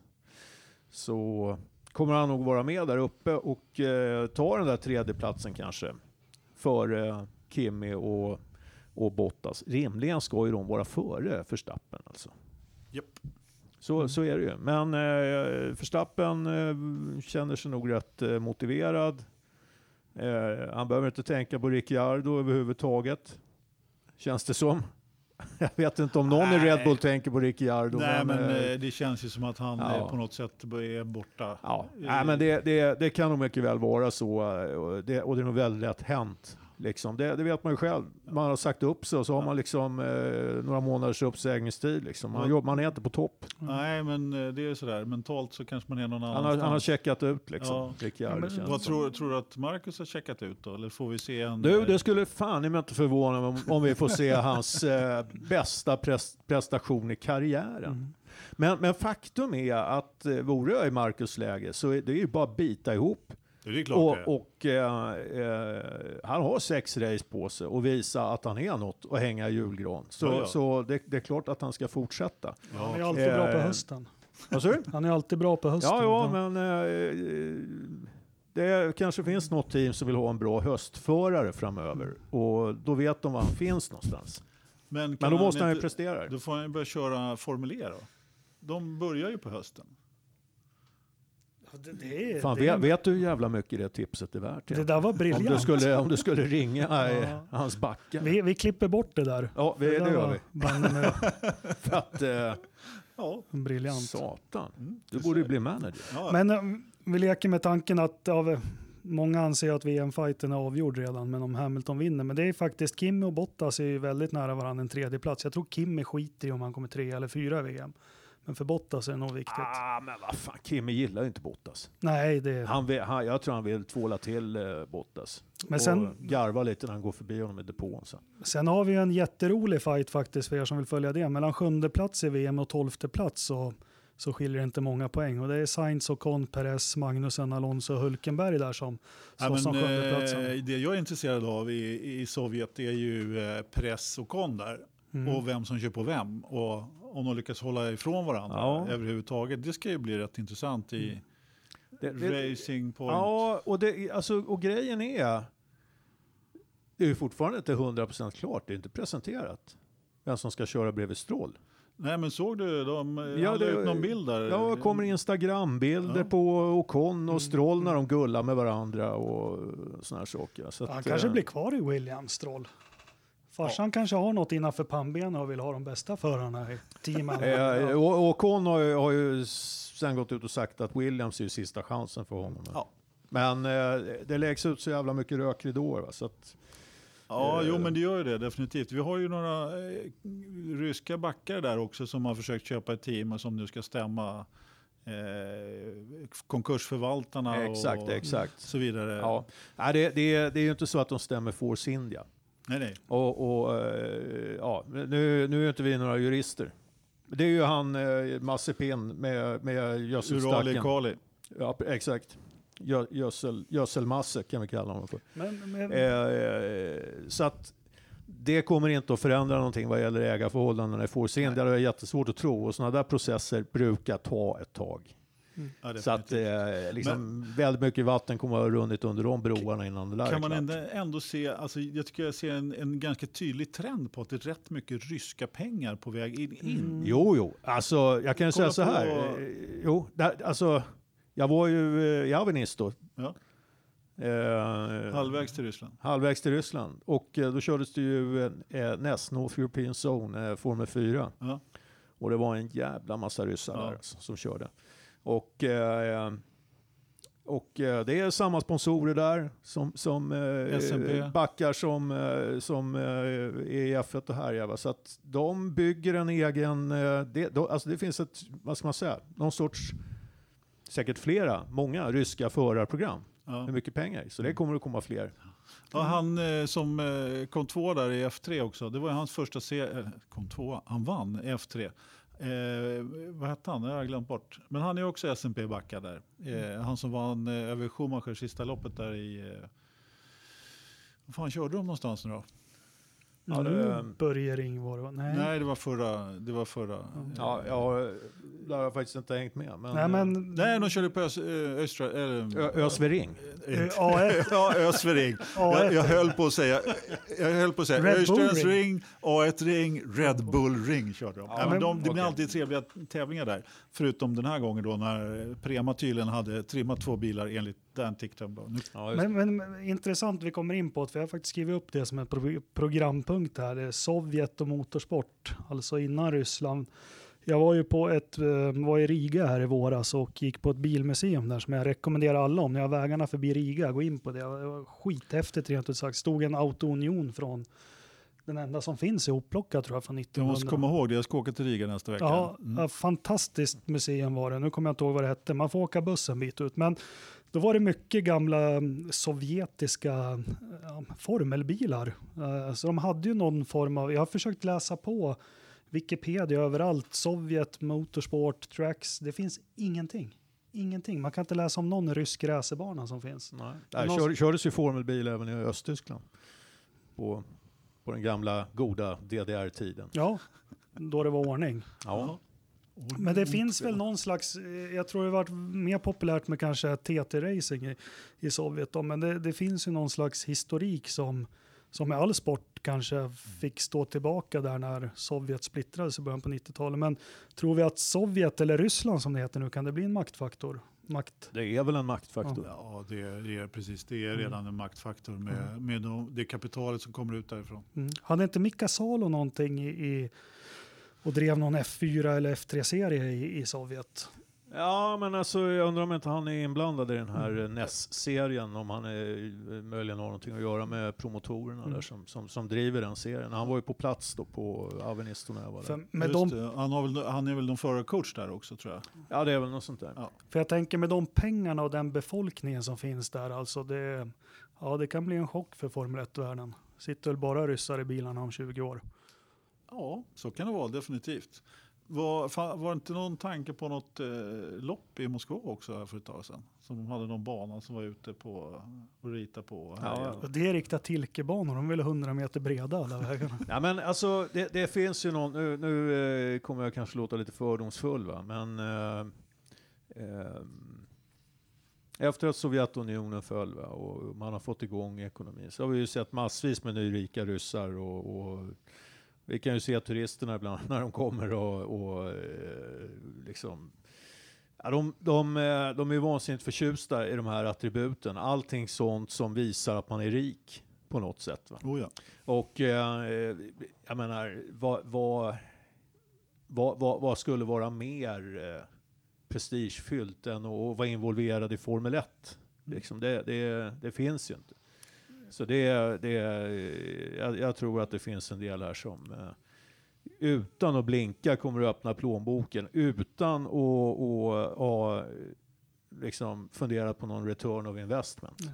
Får jag bara dra en story om ryssar och attribut? Jag slog mig nu. Var, min pappa var på NK och handlade, det här är säkert tio år sedan. Det var en sån här rysk turistbuss utanför. Då stod pappa bakom en ryss i kön och så hade de på engelska så sa, jag, jag kommer inte ihåg summan, men låt säga att kassörskan sa att det blir 13 000. Ja, ja, sa ryssen, så langade han fram 13 000 euro. Utan att... alltså, det var inga Ja. konstigheter eller ja, eh, på något vis. Nej, men det är väl säkert någon som har köpt eller lurat till sig något gasverk eller någonting. Någon Ja, ja, som- nej, men det, det är fin- alla de här jädra oligarkerna där borta. Va? Det, är, fasen, det, är, och det finns så mycket stålar säkert som ska tvättas och annat. Ja. man, man, man, man, det, det ligger i, i drivor, så man vet inte vad man ska stoppa och då kan man lika gärna stoppa det i ett F1-team. Ja, för jag tänker lite längre så, Sovjet använde ju idrott som propaganda, men då var det mer lagidrotter och friidrott och sånt. Men man kanske... Ja, varför tror du att de byggde en F1-bana i Sochi? Ja, men det var vad ska vi göra med OS-anläggningen, vad är det? Men, Ja, men de vill ju, det var ju en långtidsplan ja. naturligtvis. OS, eh, fotbolls-VM, eh, Formel 1, allting skulle ju liksom... Ja, ja. Och det, som jag har förstått det så är det väl så att det används ganska frekvent den här... Eh, man spelar väl VM i fotboll där i somras va? Men det är ju en... Där, så eh, jag menar, det är inte en av de här...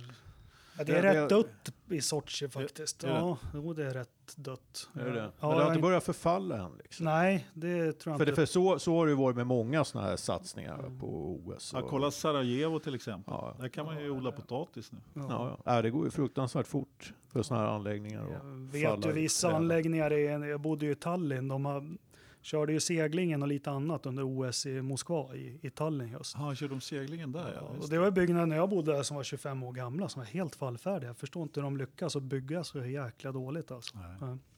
Inget Ja, ja. Nu svävar vi ut Det här lite. var lite Ja, byggnadspodden. Ja, nej, Byggnad- men eh, det, det är en liten, eh, vad ska vi säga, kulturell eh, bakgrund till det som händer i Formel 1. Ja, men man är kunna säga, säga det? Så har vi liksom eh, räddat det här lilla, den här lilla avstickaren, gjort den relevant plötsligt. Ja, men första loppet där, när, bakom järnridån som man brukar kalla det också, tycker jag också är lite intressant då när man börjar köra i Ungern då. 86. Ja, 86 ja, och det är ju fortfarande, jag har nog sagt förut dessutom, det mest besökta Formel 1-loppet någonsin i publiksiffror. Hur fan fick de till det då, 86 egentligen? Det, Det var precis det jag skulle fråga dig. ja, jag har ingen aning. För, ja, men hur, hur fan gick det till? Det var väl Bernie som vanligt som Mm. hade någon idé? Ja. Ja, ja. Var inte hans fru där? Nej, var var frun ifrån? Ja, men hon är från Slovakien, Slovenien eller ja, inte Är vet inte det jag. Trumps? Ja, Ah. ja. jag vet inte Ta, Jakob. ta, ta tag i det här nu Ja, nu tar vi det, här, det, här, blir Ska vi, ska, vi stänga, ska vi stänga Formel 1-spåret här nu ett tag och gå vidare? Vi har faktiskt eh, en annan intressant punkt tycker jag. Dels med svensk intresse, sen med lite far-son-intresse också. F3-världen, vad händer där Anders? Jaha, du, ja, jag var ju inne på det lite grann. Det var ju eh, som sagt på Red Bull Ring i helgen så var det ju då F3 och DTM. Och eh, Schumacher, den yngre, Mick, jag skrev någonstans att han har gått från medioker till, vad jävla sprutt han har fått. ja, makalös. Liksom. Lite som Benetton Och 94. det var, såg ja. jag faktiskt att det var någon som skrev det i någon dagstidning också. Jag vet inte om jag, jag kan inte ta någon cred för det, just det uttalandet, men, men det är verkligen från medioker. Ah, Sen, det beror väl lite på vad man lägger för värderingar i medioker, men jag vet inte, han tog inga poäng alls eh, första delen av, Mm. av säsongen. Och nu har han eh, som fått en Lidners knäpp och vinner allt. Han har vunnit fem raka lopp innan då den här eh, ryssen, S&P backade ryssen, som jag nu har glömt namnet på, innan han vann då sista loppet på, på Red Bull Ring. Och, och eh, Dan Tickton då som ledde mästerskapet då, Eh, han har ju gått ut och lite, lite väl eh, vet du, snabbt kanske, eller jag vet inte vad man ska kalla det för någonting. Men han skrev i alla fall att ja, det var ju jättekonstigt där att de två Prema-bilarna har fått som fart här helt plötsligt. Det är inte så att jag anklagar dem för att köra med fusk, men ungefär, punkt, punkt, punkt. Lite så på sociala Ja. medier. Och, alltså det, jag vet inte. Jag, jag tror inte TikTok gör sig själv någon tjänst genom att... Nej, det är ju inte en björntjänst. Det känns inte sådär jättebalanserat. Nej. Eh, det är bara att hålla käften och bita ihop. Ja. Men kan det inte vara som med Schumacher och ung idrottskille? Alltså det räcker med att en liten polett trillar dit helt plötsligt och så med självförtroende och så blir det så här. Ja, jag är helt inne på det, Ja. naturligtvis. Sen, sen, sen är det ju klart att det kan ju vara en eh, bid, alltså, hans stallkompis då, som jag nu har glömt namnet på, säga för, kan någon googla upp det, vad han heter för någonting? Så, jag- så jag slipper säga att jag inte vet vad han heter. Han har ju också fått rätt bra fart då. då. Så han, de har ju varit ett och två här ett tag.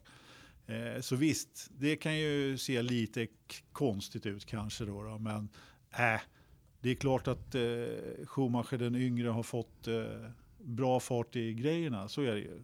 Sen kör han ju för det stallet som har absolut mest eh, eh, vad heter det, eh, bäst resurser. Så att, eh, det är klart att ska han hitta fart någon gång så är det ju nu när han, när han har eh, helt klart bäst bil och fart i grejerna. Alltså eh, om man säger så här. Ja, en svag inledning på säsongen hade han ju, men eh, eh, helt borta var han ju inte. Han hade ju eh, ett par pallplatser där. Men det, är- det är andra halvan som han har, har fått riktig fart. Ja, om man tittar på... Ja, ja, ja, han kanske hade ett par pa- pallplatser där i inledningen, men det var... Det var och jag menar, F3 som, som det ser ut nu så behöver man ju kvala topp två. För att, två, tre, som det har sett ut just nu i alla fall, för att vara med. Och visst, det, det, det är svårt att köra upp sig på vissa banor i alla fall. Från, från, jag hade hoppats på mer spännande lopp kan vi säga på Red Bull Ring, för där brukar det funka. Som, som i DTM-loppen till exempel, där det kördes om och Rena Rast eh, visar var skåpet ska stå. Ja, han har ju lite skor att fylla, Mick. Han har ju det, men det är som jag sagt tidigare, vansinnigt sympatisk kille det Mm. där. Jag ser gärna att han eh, får chansen i eh, F1. Men eh, han har ju lite kvar att visa. Det räcker inte med att vinna eh, Euro F3 liksom. Utan, eh, upp på nästa nivå med honom så får vi se vad han eh, duger till. Och eh, man kan ju säga så här, jag, jag kan ju tycka, eh, Tiktum, vad fan ska han... Eh, han är ju naturligtvis jätteorolig här, för han behöver ju eh, eh, poäng, Poäng, till sin ja, superlicens. va. Men eh, jag kan ju tycka att det är lite, det är lite väl tidigt att plocka upp en sån kille. Han ska väl köra lite andra grejer. Jo, men eh, han har ju inte tillräckligt med poäng för att köra heller. Så att, eh, Ja men GP2. ja, ja, ja, ja. Ja, jag menar alltså eh, plocka upp honom direkt till F1 från... Eh, Ja, Det var ju det de hade eh, tänkt ja, göra, men han har, ju precis, inte, eh, han har ju inte poäng för det heller. Så. Och jag känner att vad, vad, varför då? Visst, man, man, man har inte så många andra att stoppa in liksom i Toro Rosso, men, men eh, eh, tycker ändå att eh, eh, det är inte säkert att det är det bästa för hans karriär, alltså att sätta sig i en F1. Nej, jag tror definitivt han var bra på att köra F2 ett år, men, Ja. Eh, eller två för den delen. Mm. Men eh, det var väl, de har ju brist på förare. Det ska ju för övrigt bli, nu har jag inte pratat så mycket silly season annat än Marcus då, men det ska bli väldigt intressant att se vad Toro Rosso kommer fram med.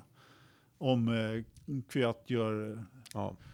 torpeden från eh, Sochi, om han gör comeback. Och, Men, men, men jag läser nu, jag var tvungen att läsa lite Mick Schumacher.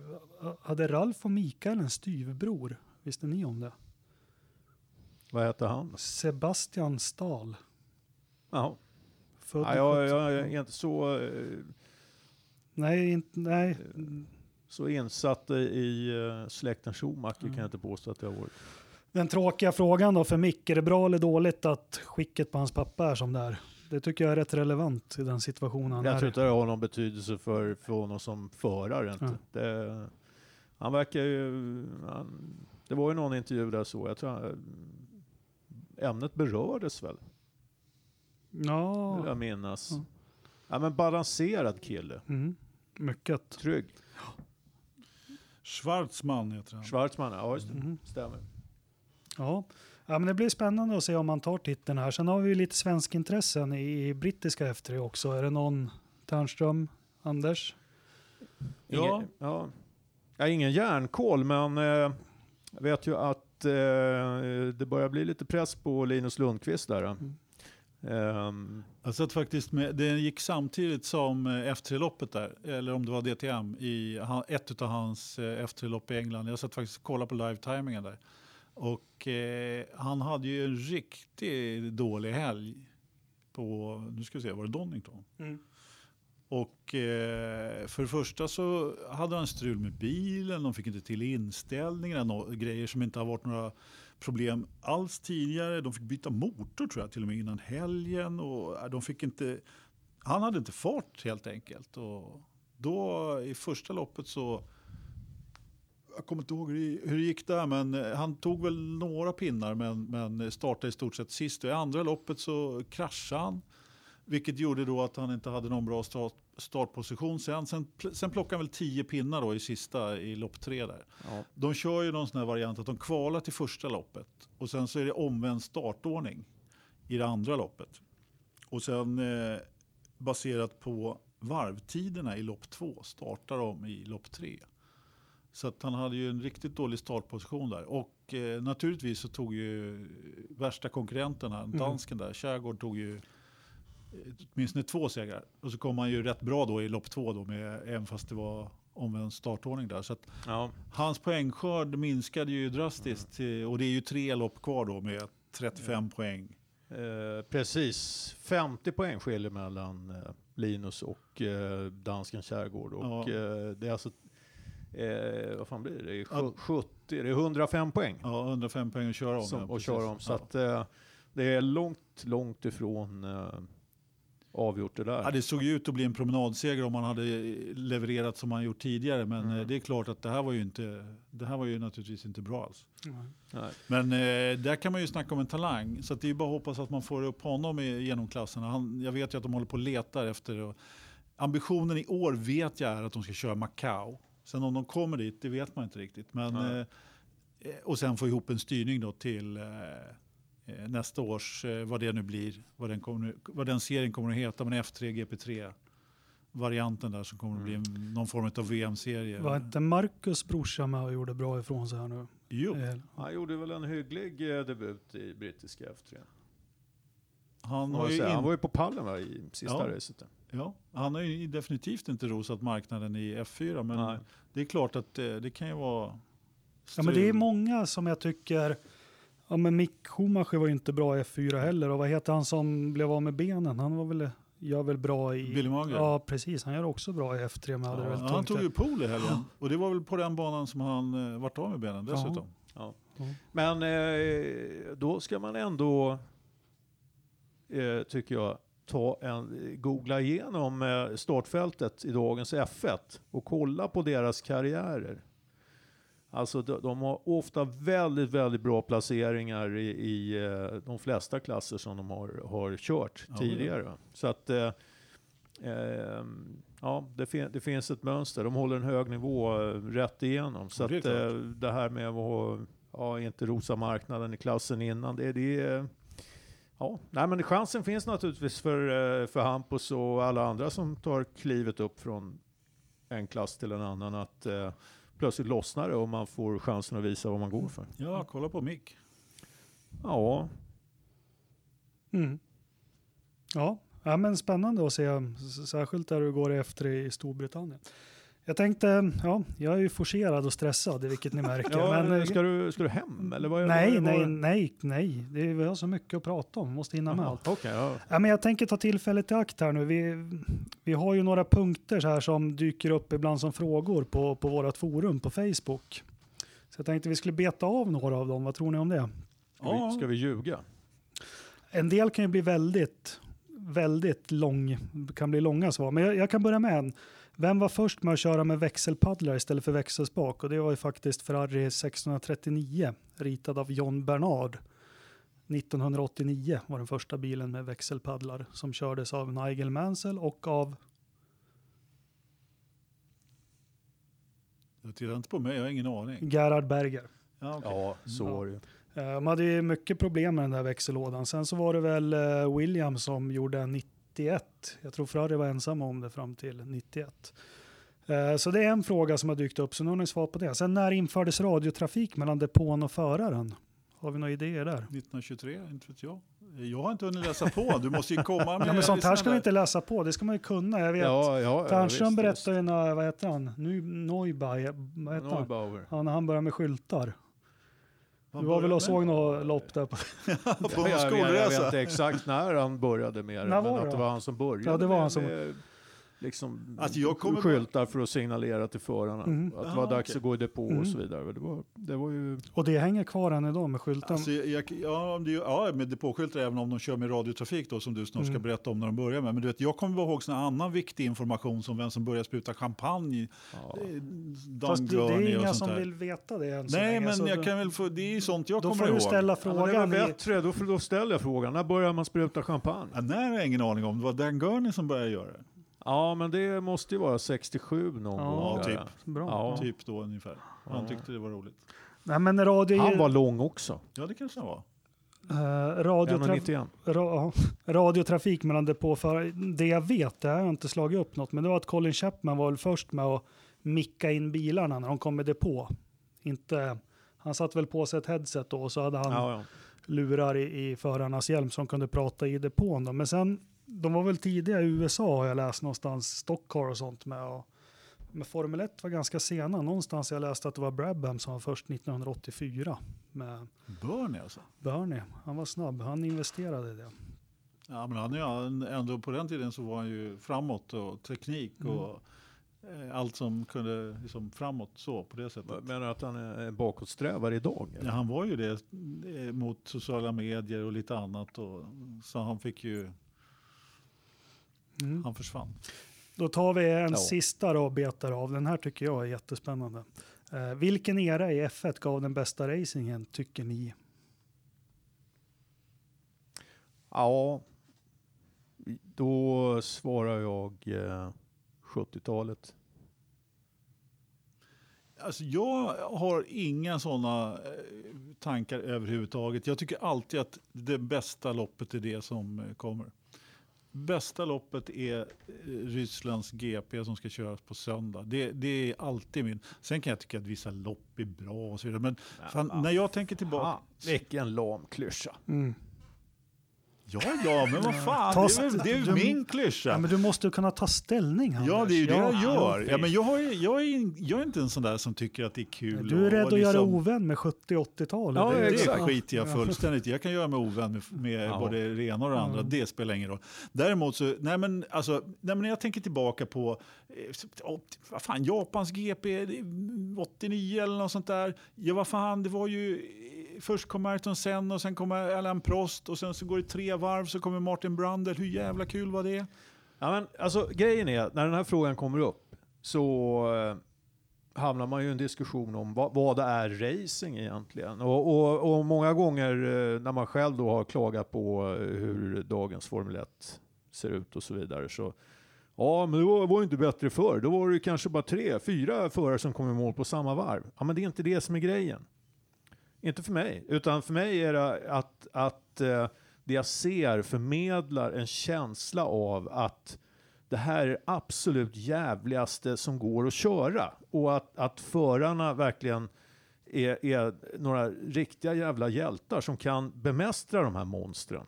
Och den känslan har ju inte jag idag, i synnerhet inte när man kör omkring liksom 10 sekunder från kvaltiden.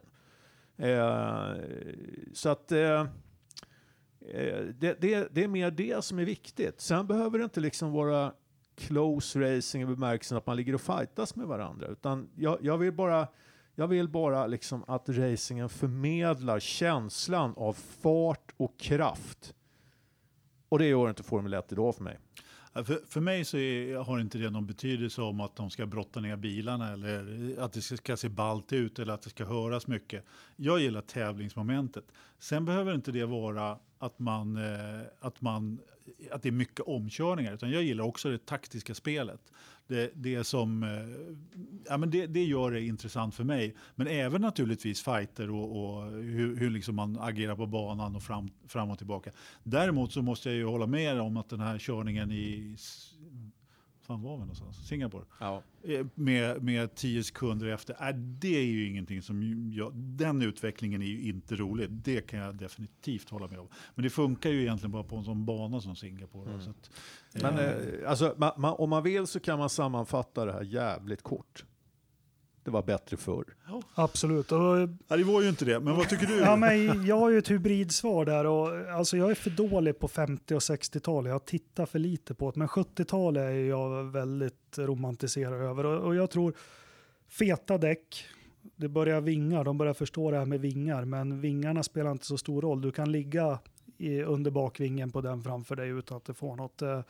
Sen tycker jag också att det här, jag, jag gillar att de brottar ner bilarna. Och återigen, första avsnittet vi spelade in, när jag började titta på Formel 1 som grabb, liksom, och komma med ett sånt där monster utan servo, det är tre pedaler och en H-växellåda och så köra om inför en hårnål, bromsa från 300, en hand på ratten och bilen slingrar sig under bromsning och sånt. Det är sånt som, det tycker jag är racing på något vis. Det är, det är hjältar. Men eh, 70-talet fick två röster och Anders tycker eh, helgen på Sochi är det bästa. Ja, men Ja. alltså, det är klart att det har sin tjusning och, och växla ner genom hållådan och trampa tålhä och skytte i tjuttan och allt vad det heter. Nej. Inte fan vet jag. Men, men, men alltså, det är inte tjusningen för mig. Det var på 70-talet. Ja, det var jättetufft och det är kul att se gamla lopp och hur de eh, kör på den tiden. Men alltså, Ja, Jakob, först, så, först, förstör inte Anders helg. nej, jag är lack nu. Det är, ju, det är ju det det handlar om här. vadå Nej. förstör? Nej, men Anders men, han ska bygga nya raksträckor i Ja. Monaco. Han ska i två våningar och, och allting. Utan nu, nu, nu vill han kunna sätta sig ner Ja. i tv-soffan med ett, eh, en stor skål med ostbollar en liter Nej. whisky. Bågar. och lite whisky. Ostbågar. Va- Men vad händer med ostbollarna då? Det, är, det är JBS som käkar ostbollar. Jag käkar bågar. Han är amatör Ah, i okej. IBS. Ja. Ja. Är det någon skillnad?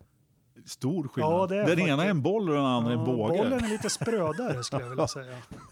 Eller? Smakar inte alls samma sak. Men det, det, det, det, och då, då ska liksom ingenting få, få solka denna helg Nej. när han ska slå sig ner här i soffan nu. Och inget snack om att det var bättre förr.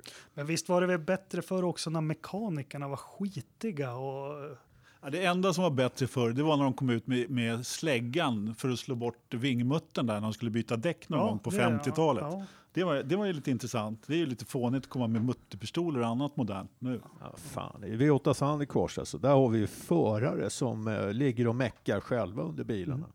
I det- På depåstoppen. Jag säger, jag säger, eh, jag säger, det här blir en shout-out till eh, Andreas Nilsson och Sten Fredrik Akre. Sten Fredrik Akre lyssnar inte på det här, norrmannen. Men ja, nu har jag ropat upp honom i alla fall. Men det, är- det är riktigt sköna lirare. som eh, inte drar sig för att dra sig i raceoverallen, lägga sig under biljäveln och skruva som riktiga män. Ja men bra Ternström, för ni var inne på det ett avsnitt när inte jag var här och nu kan vi säga Jesper Nilsson får ju den signerade Kimme-boken här, den skickas med posten ikväll om jag kommer härifrån någon gång. Eh, Men där står det, ni pratade lite om Kimmy och det han hade gjort, det var ju under någon testsession eller var det en GP-helg med Ferrari, Ah, upptäckt att toaletten i deras buss Just var paj. Då hade han bett om verktyg, så han hade lagt sig där vid latrin, latrinen och mecka ihop toan. Ja, han hade ju likadan mugg i sin yacht så han hade visst ju den där funka. Så han, han bad om lite verktyg och la sig där under Men, och, ja. och lagade den där och sen funkar den. Det är nästan Bottas-klass på Kimmy. Ja, men det, är ju, det, det, var, det var faktiskt min favorithistoria i den där boken. Det var mycket fyllestories men Ja men det, det är ju det där. Fan, det, det, jag tror att många av de här förarna som kommer upp idag, va, de, de, ja, de har nog inte skruvat så mycket. Jag Nej, vet inte om de de kan inte. skruva. Nej, men det är Och, och, och jag menar, kan man skruva på, på, på en sån där toalett, alltså då, det är ju lite överkurs nästan. ja, Men- lite överkurs. Men jag tror de, vi var inne på det, mer motorröra förut. För det jag läste i någon av alla böcker om Ronny att eh, det var några F3-lopp så hade en dansk mekaniker fått backat ut Formel 3-bilen ur, ur transportbussen. Och så hade väl han tänkt att ja, men jag busar till det lite nu. Och, och, så han hade startat den där och dragit några burnouts. Då hade ju Ronny, han blev vansinnig och sprang fram till honom. Vad fan gör du med motorn när den inte är varm? Mm. Det tror jag inte någon kan reflektera över nu. Nej, du- eh, Jakob. De kommer. Ja, okej.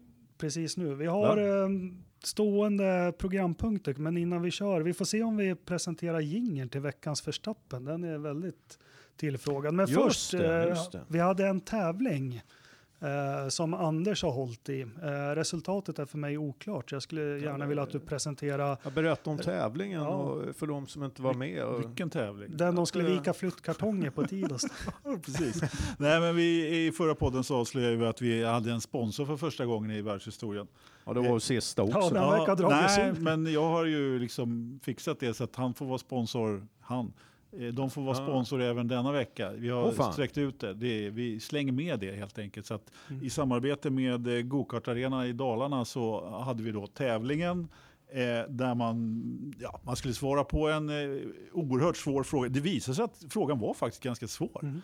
Man skulle svara på Aha. när de byggde sin tvåvåningsbana där i Vikmanshyttan. Och, så de kör Ja, kör upp och nere. Och, eh, det första svaret som kom in var ju fel. Det var för övrigt en gammal Forza-kompis, KGB där. Som, Vad svarade han då? ja, men han svarade ju 2002.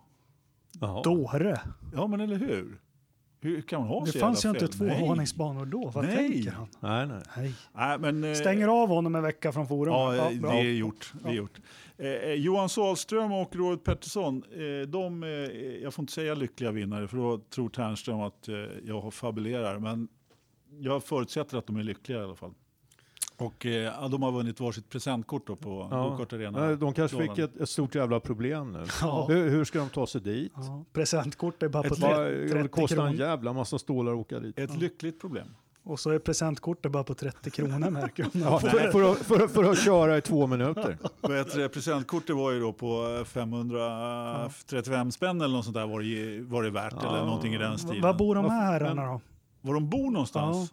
Jag vet inte om de vill att jag outar det, men jag tror Nej, att åtminstone en av dem bor i Mälarens Rostock. Jaha, Mm. så jag har vunnit. Det är du som ska skjutsa upp till Ja, jag Vikmanshyttan. följer- Det var gärna. du under pseudonym här. Jaha, det är jag. Ja. Ja. Nej, men superkul. När ni har fått Ja. det här, nu när ni har utnyttjat eller eh, eh, när ni har kört, ta gärna lite bilder och lägg ut. Det skulle Ja. vara jättekul. Och vi tackar väl ödmjukt för, för eh, gokartsbanans bidrag till våran podd. Absolut. Ja, men det är jättekul. Pengarna Jättekul. rullar in, det går bra. Ja, men visst. Nej, men vi tackar Jimmy Jakobsson. Jag såg att han hade, han skickade en bild på mig att han hade adresserat kuverten där och skickat iväg dem. Så att de, de ska vara på G. Kul, jätteroligt. Då, och har ni några mer kompisar eller någonstans som känner för att sponsra så är ni välkomna att ta kontakt med Anders som är försäljningsansvarig på podden. Ha. Hittills har han ju inte gjort sånt Han, jävla han, lysande jobb. men han har gått in i rollen hospitality-ansvarig. Han, Vi har mer utgifter än inkomster. eh, men hör av er till Anders i så fall. Veckans förstappen då? Jingel.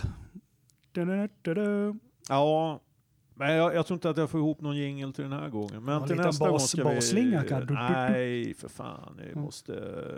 Vi kan, Jag har, lite, jag har nämligen lite idéer när det gäller vi det. kan klara oss utan jingel den här veckan också. Ja, men se till att den blir bra då. Om det tar sån jäkla tid att få fram en liten jingel. Ja, men för helvete. Vi har ju, vi, han har ju gjort Här sitter jättebra. man och, och redigerar de här jävla poddarna efteråt och så ska det komma och ställas krav. Ja, Jag tycker det är jättebra inledningar. Vad är det? Så här stackars barn. Det är, eller vad är det? Ja, ja, Ja, ja. det är superbra. Ja, men Ja, det, men, ja, det, vänta, det ja, är, man- det är Pugg va? Eller? Nej, Nej, för var ju- helvete. Nu, nu, nu får vi göra lite reklam då. Det är mitt band. Ja, Aska. Aska. som, Aska. ja, men det är Aska som spelar, Ja. det vet jag väl. Och det är Gryningen heter låten. Mm. Ah, okej. Och söker man på Aska och Gryningen på Spotify eller Då blir det mörkt. Då, då, då hittar man oss där. Och spelar man oss så eh, rullar ju stålarna in för min del. Ja, ja, men eh, lyssna på Ternström. Ja, Logga in på eh, Spotify nu. i- Sk- Ja, Skriv aska. Fan, så- Hittills har vi spelat in eh, tre dollar eller något. Oh, Jag fick fan. för mig att ni gjorde en cover, men det, det var något annat. Här Då. spelas inte några jävla Jo, men de covers. gjorde ett test på Pugg där. Ja, Ja, ja, det var... Veckans Verstappen, Ja. Anders. ja. Eh, Vad glad jag blir att du frågar just mig om just det. Eftersom eh, förra veckan så hade jag en Veckans Förstappen som var F1-appen, kommer ni ihåg det? Ja, Har ni läst vad de har gjort? ja, De har lyssnat på podden, ja. på Forza-podden. Japp, det säkert. trodde jag faktiskt inte FHM gjorde. Eller vilka det nu är som ger ut appen. Men de har lanserat eh, en ny... De har helt enkelt backat och gjort en så kallad pudel eller vad det heter. Och relanserat den gamla appen. Ko- konserverad gröt skulle man kunna säga. Ja, lite så. Packad om skiten. Ja, fast nu har de ju då... Ja, jo men lite så. De har tagit samma app och lanserar den som en egen app då istället. Bara en F1 Timing-app i alla fall. Så till Sochi kan vi... Då får man ladda ner den igen visserligen och så ska de utveckla den här andra appen då. Lite, lite till är Ja. tanken. Så att, Men det är, märkligt att, eh, att, eh, att det blev så där överhuvudtaget. Hur fan kan man eh, landa där liksom som eh, ja, men de måste ju ha haft... Ja, men, utvecklare? och- Reklam. Reklamfolk. Utvecklaren måste, ja Reklam, men ja. precis. Utvecklaren har ju inte haft någon Ja, verklighetsförankring Nej, alltså, de, de, har, ja, de har ju inte testat grejerna innan. Nej, det kan de ju inte ha gjort Hade de testade på målgruppen så Ja. hade de ju sluppit den här eh, Mosaik. Ja. näsan. Ja. Så min eh, hyllning, det vill säga ingen veckans förstappen utan tvärtom, en hyllning är att de lyssnade faktiskt på fans. Det trodde jag fan inte. Nej. Det var en blek Verstappen. Ja, visst var, men jag är ju lite blek och Ja. kör med klyschor och vad fan det är för någonting. Det får väl vara så idag då. Du är älskvärd Anders, på Åh, riktigt. Tack. Du har gett mig jättebra aktietips. Därför jag går i den här Bottas-tröjan hela tiden. Men Ternström då, vad har du gått och bitit ihop Åh, hårt och knutit näven i veckan nu? Verstappen, vad fan kan det vara? Oh. Nej, alltså jag vet inte fan vad det skulle vara för någonting. Jag, jag, jag har faktiskt inte eh, kommit på någonting. Det kanske var att, eh, att jag inte fick åka hem och vila mig efter finalen här, efter CC-finalen. Jag fick åka och jobba istället. Det tycker jag var veckans Verstappen. Å andra sidan så eh, gjorde jag ju lite nytta när jag var borta. Degen måste in. Degen måste in, så, så är det ju. Nej men kom igen nu Engelmark, du Engel- har väl i alla fall en Nej, eh, men jag är, känner mig balanserad och glad. Och, och, ja. Det, det skulle ju kunna vara Det min är- veckans Verstappen. det är för jävligt, jag skulle komma till det. Att, Men eh, ja, jag måste skicka en passning. Veckans Verstappen, det blir alla Bottas-hatare där ute. Okej. Fy Ja. skäms. ja, det är bra. Bra, då har vi det avklarat. Det, det går ju faktiskt hyfsat bra med mig som... Det var väl första och sista gången jag får leda en podd. ja, det var, Ehm, var jävligt Men orolig. Anders är otroligt ivrig på att få göra det, så vi hoppas väl att, han, Ja, att du tar budkavlar nu. det vet ju, jag bara, det, jag bara snackar. Ja, men det är bra. Det är det det här går ut på. Ja, jo det är sant. Vädret då? Pastis väderstation, Idre. Alltså, jag, jag har funderat på det här med vädret. Och hela den här jävla idén med, med detta. Det lät som en jävligt rolig idé från början. Men hur jävla kul är detta egentligen? Att dra det här Fast förbannade jag vädret skrattar ju varje varje gång så jag håller Ja, på. du gör ju det. Ja. Vad fan, ska du ta bort vädret? Det är ju det som Nej, men hela det, vi, podden vi kan, går ut ja, på. men vi kan inte ta bort det nu. Nej, det är klart vi, har- inte kan. Det här, det här, eh, Vad fan gnäller du om då? En Vi har trist- målat in oss i ett hörn. En Ja. trist dag i mars, eller om det var i april i år, när jag kontaktade Anders med idén om den här podden. Då var det just, det här var ju min idé. Att hur fan, för Anders hade berättat för mig Var det din idé? Ja, med Jag podden. trodde att det var... Alltså podden, ja ja. Jag Jo, trodde, det här med vädret också. vädret Nej, för mig var min För det dumma var någon idé. kväll vi satt och skrev till varandra och jag det vara? frågade Anders vad hände med den här Forsa-sidan? För jag har varit så här nostalgisk och börjat tänka på Finlandsresor och vad kul det var att ha. Och vad hände egentligen? Och Vad kul det var ett tag. Ja, sen, sen slocknade ja, det men vid vi hade ju otroligt mycket läsare hade ni som skrev och vi Oh. som var med och debatter och allting. Så sluta allt med en väderstation i Idre. Det är ju så sanslöst. Och nu sitter vi här i någon Ja. finsk skumlagerlokal och försöker spela in något. Det får i alla fall bli väder idag. Ja, Ehm. Ja, jo, det ska ja, ja, bli väder det, det får nog också. bli väder framöver. Tauzero.se. Ehm, Pastis har gjort en prognos, sol. Alltså, Mm. Jaha. det var som fan. Sen så finns det en del illavarslande saker, men vi tar de goda nyheterna först. Att det har inte regnat senaste timmen. Det har inte Nej. regnat på hela dagen. Eh, vindhastigheten 0,0 meter i sekunden. Ja. Jag tror att den här vindmätaren, alltså den, ja, vi måste kolla till den tror Ja. jag. Och det här skulle jag vilja att vi gick till botten med och gjorde en analys. För det står vindrikt, vindriktning sydost och jag känner att det är sydost varenda gång. Ja, det, det är något som kärvar där i lagret. På, det på. inte, kan det vara så att det är motvind för Pastis? Det är Ja. alltid motvind i Grövelsjön. Eh, Ja, Ja, Det har regnat på 60 mm den här månaden. Vindavkylen 1,7. Vi är uppe i 1007,2 den funkar. hästkrafter, stiger. Mm. Eh, dagpunkten 0,8 minus. Nu kommer det som jag tycker är lite illavarslande och som får mig att... Det är temperaturen i datorrummet. Nej, det, det här är ännu värre för det är svenska vemodet tycker jag. Temp ute 1,7 grader. Ooh, varmt och skönt.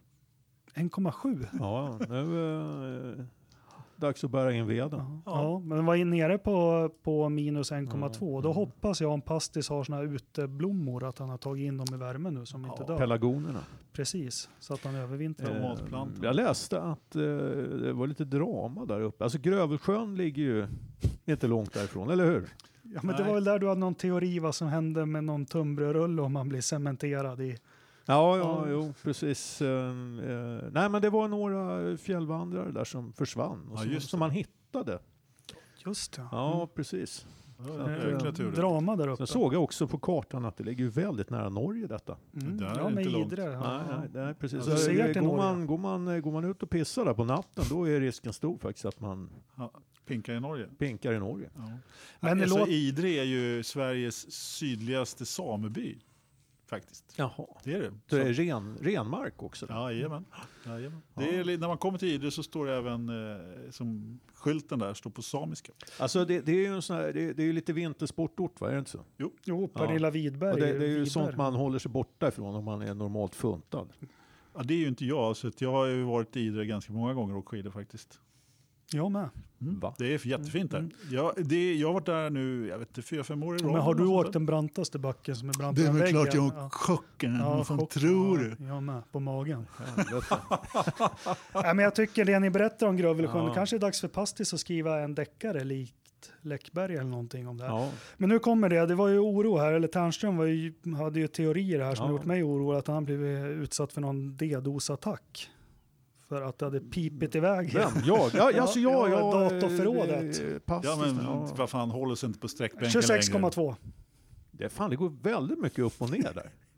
Alltså, Det går är, väldigt mycket upp och ner. Och det finns liksom ingen... eh, Liksom, nej, vad, alltså, nej, det är ju något, det är något som Jag inte står inte- rätt till där. Ja. Jo, men det är Det är- ganska stor. Minimi 8,8 och max 33,6. Det är de spannen han jobbar med under året. Det är en, ja, faktiskt det är 27 graders rätt skillnad. mycket. Det är ju inte bra det där. Det blir ju kondens och annat i Nej, det elektroniken. kan inte vara bra alls. Nej. Han måste ju ha något, något jävla termostatproblem där i. Ja, så kan det vara. Jag tror det. Ja. Ja men vad fan, du är ju i IT-branschen ju. Du har ju koll på såna här grejer Jakob. Ja. Det, här, det här är min veckas... Alltså da, datorhallar brukar alltså de, det, det är konstant temperatur i de där, det det? Ternströms teorier om det här datorförrådet, det, Ja. är, det är behållningen i mitt liv.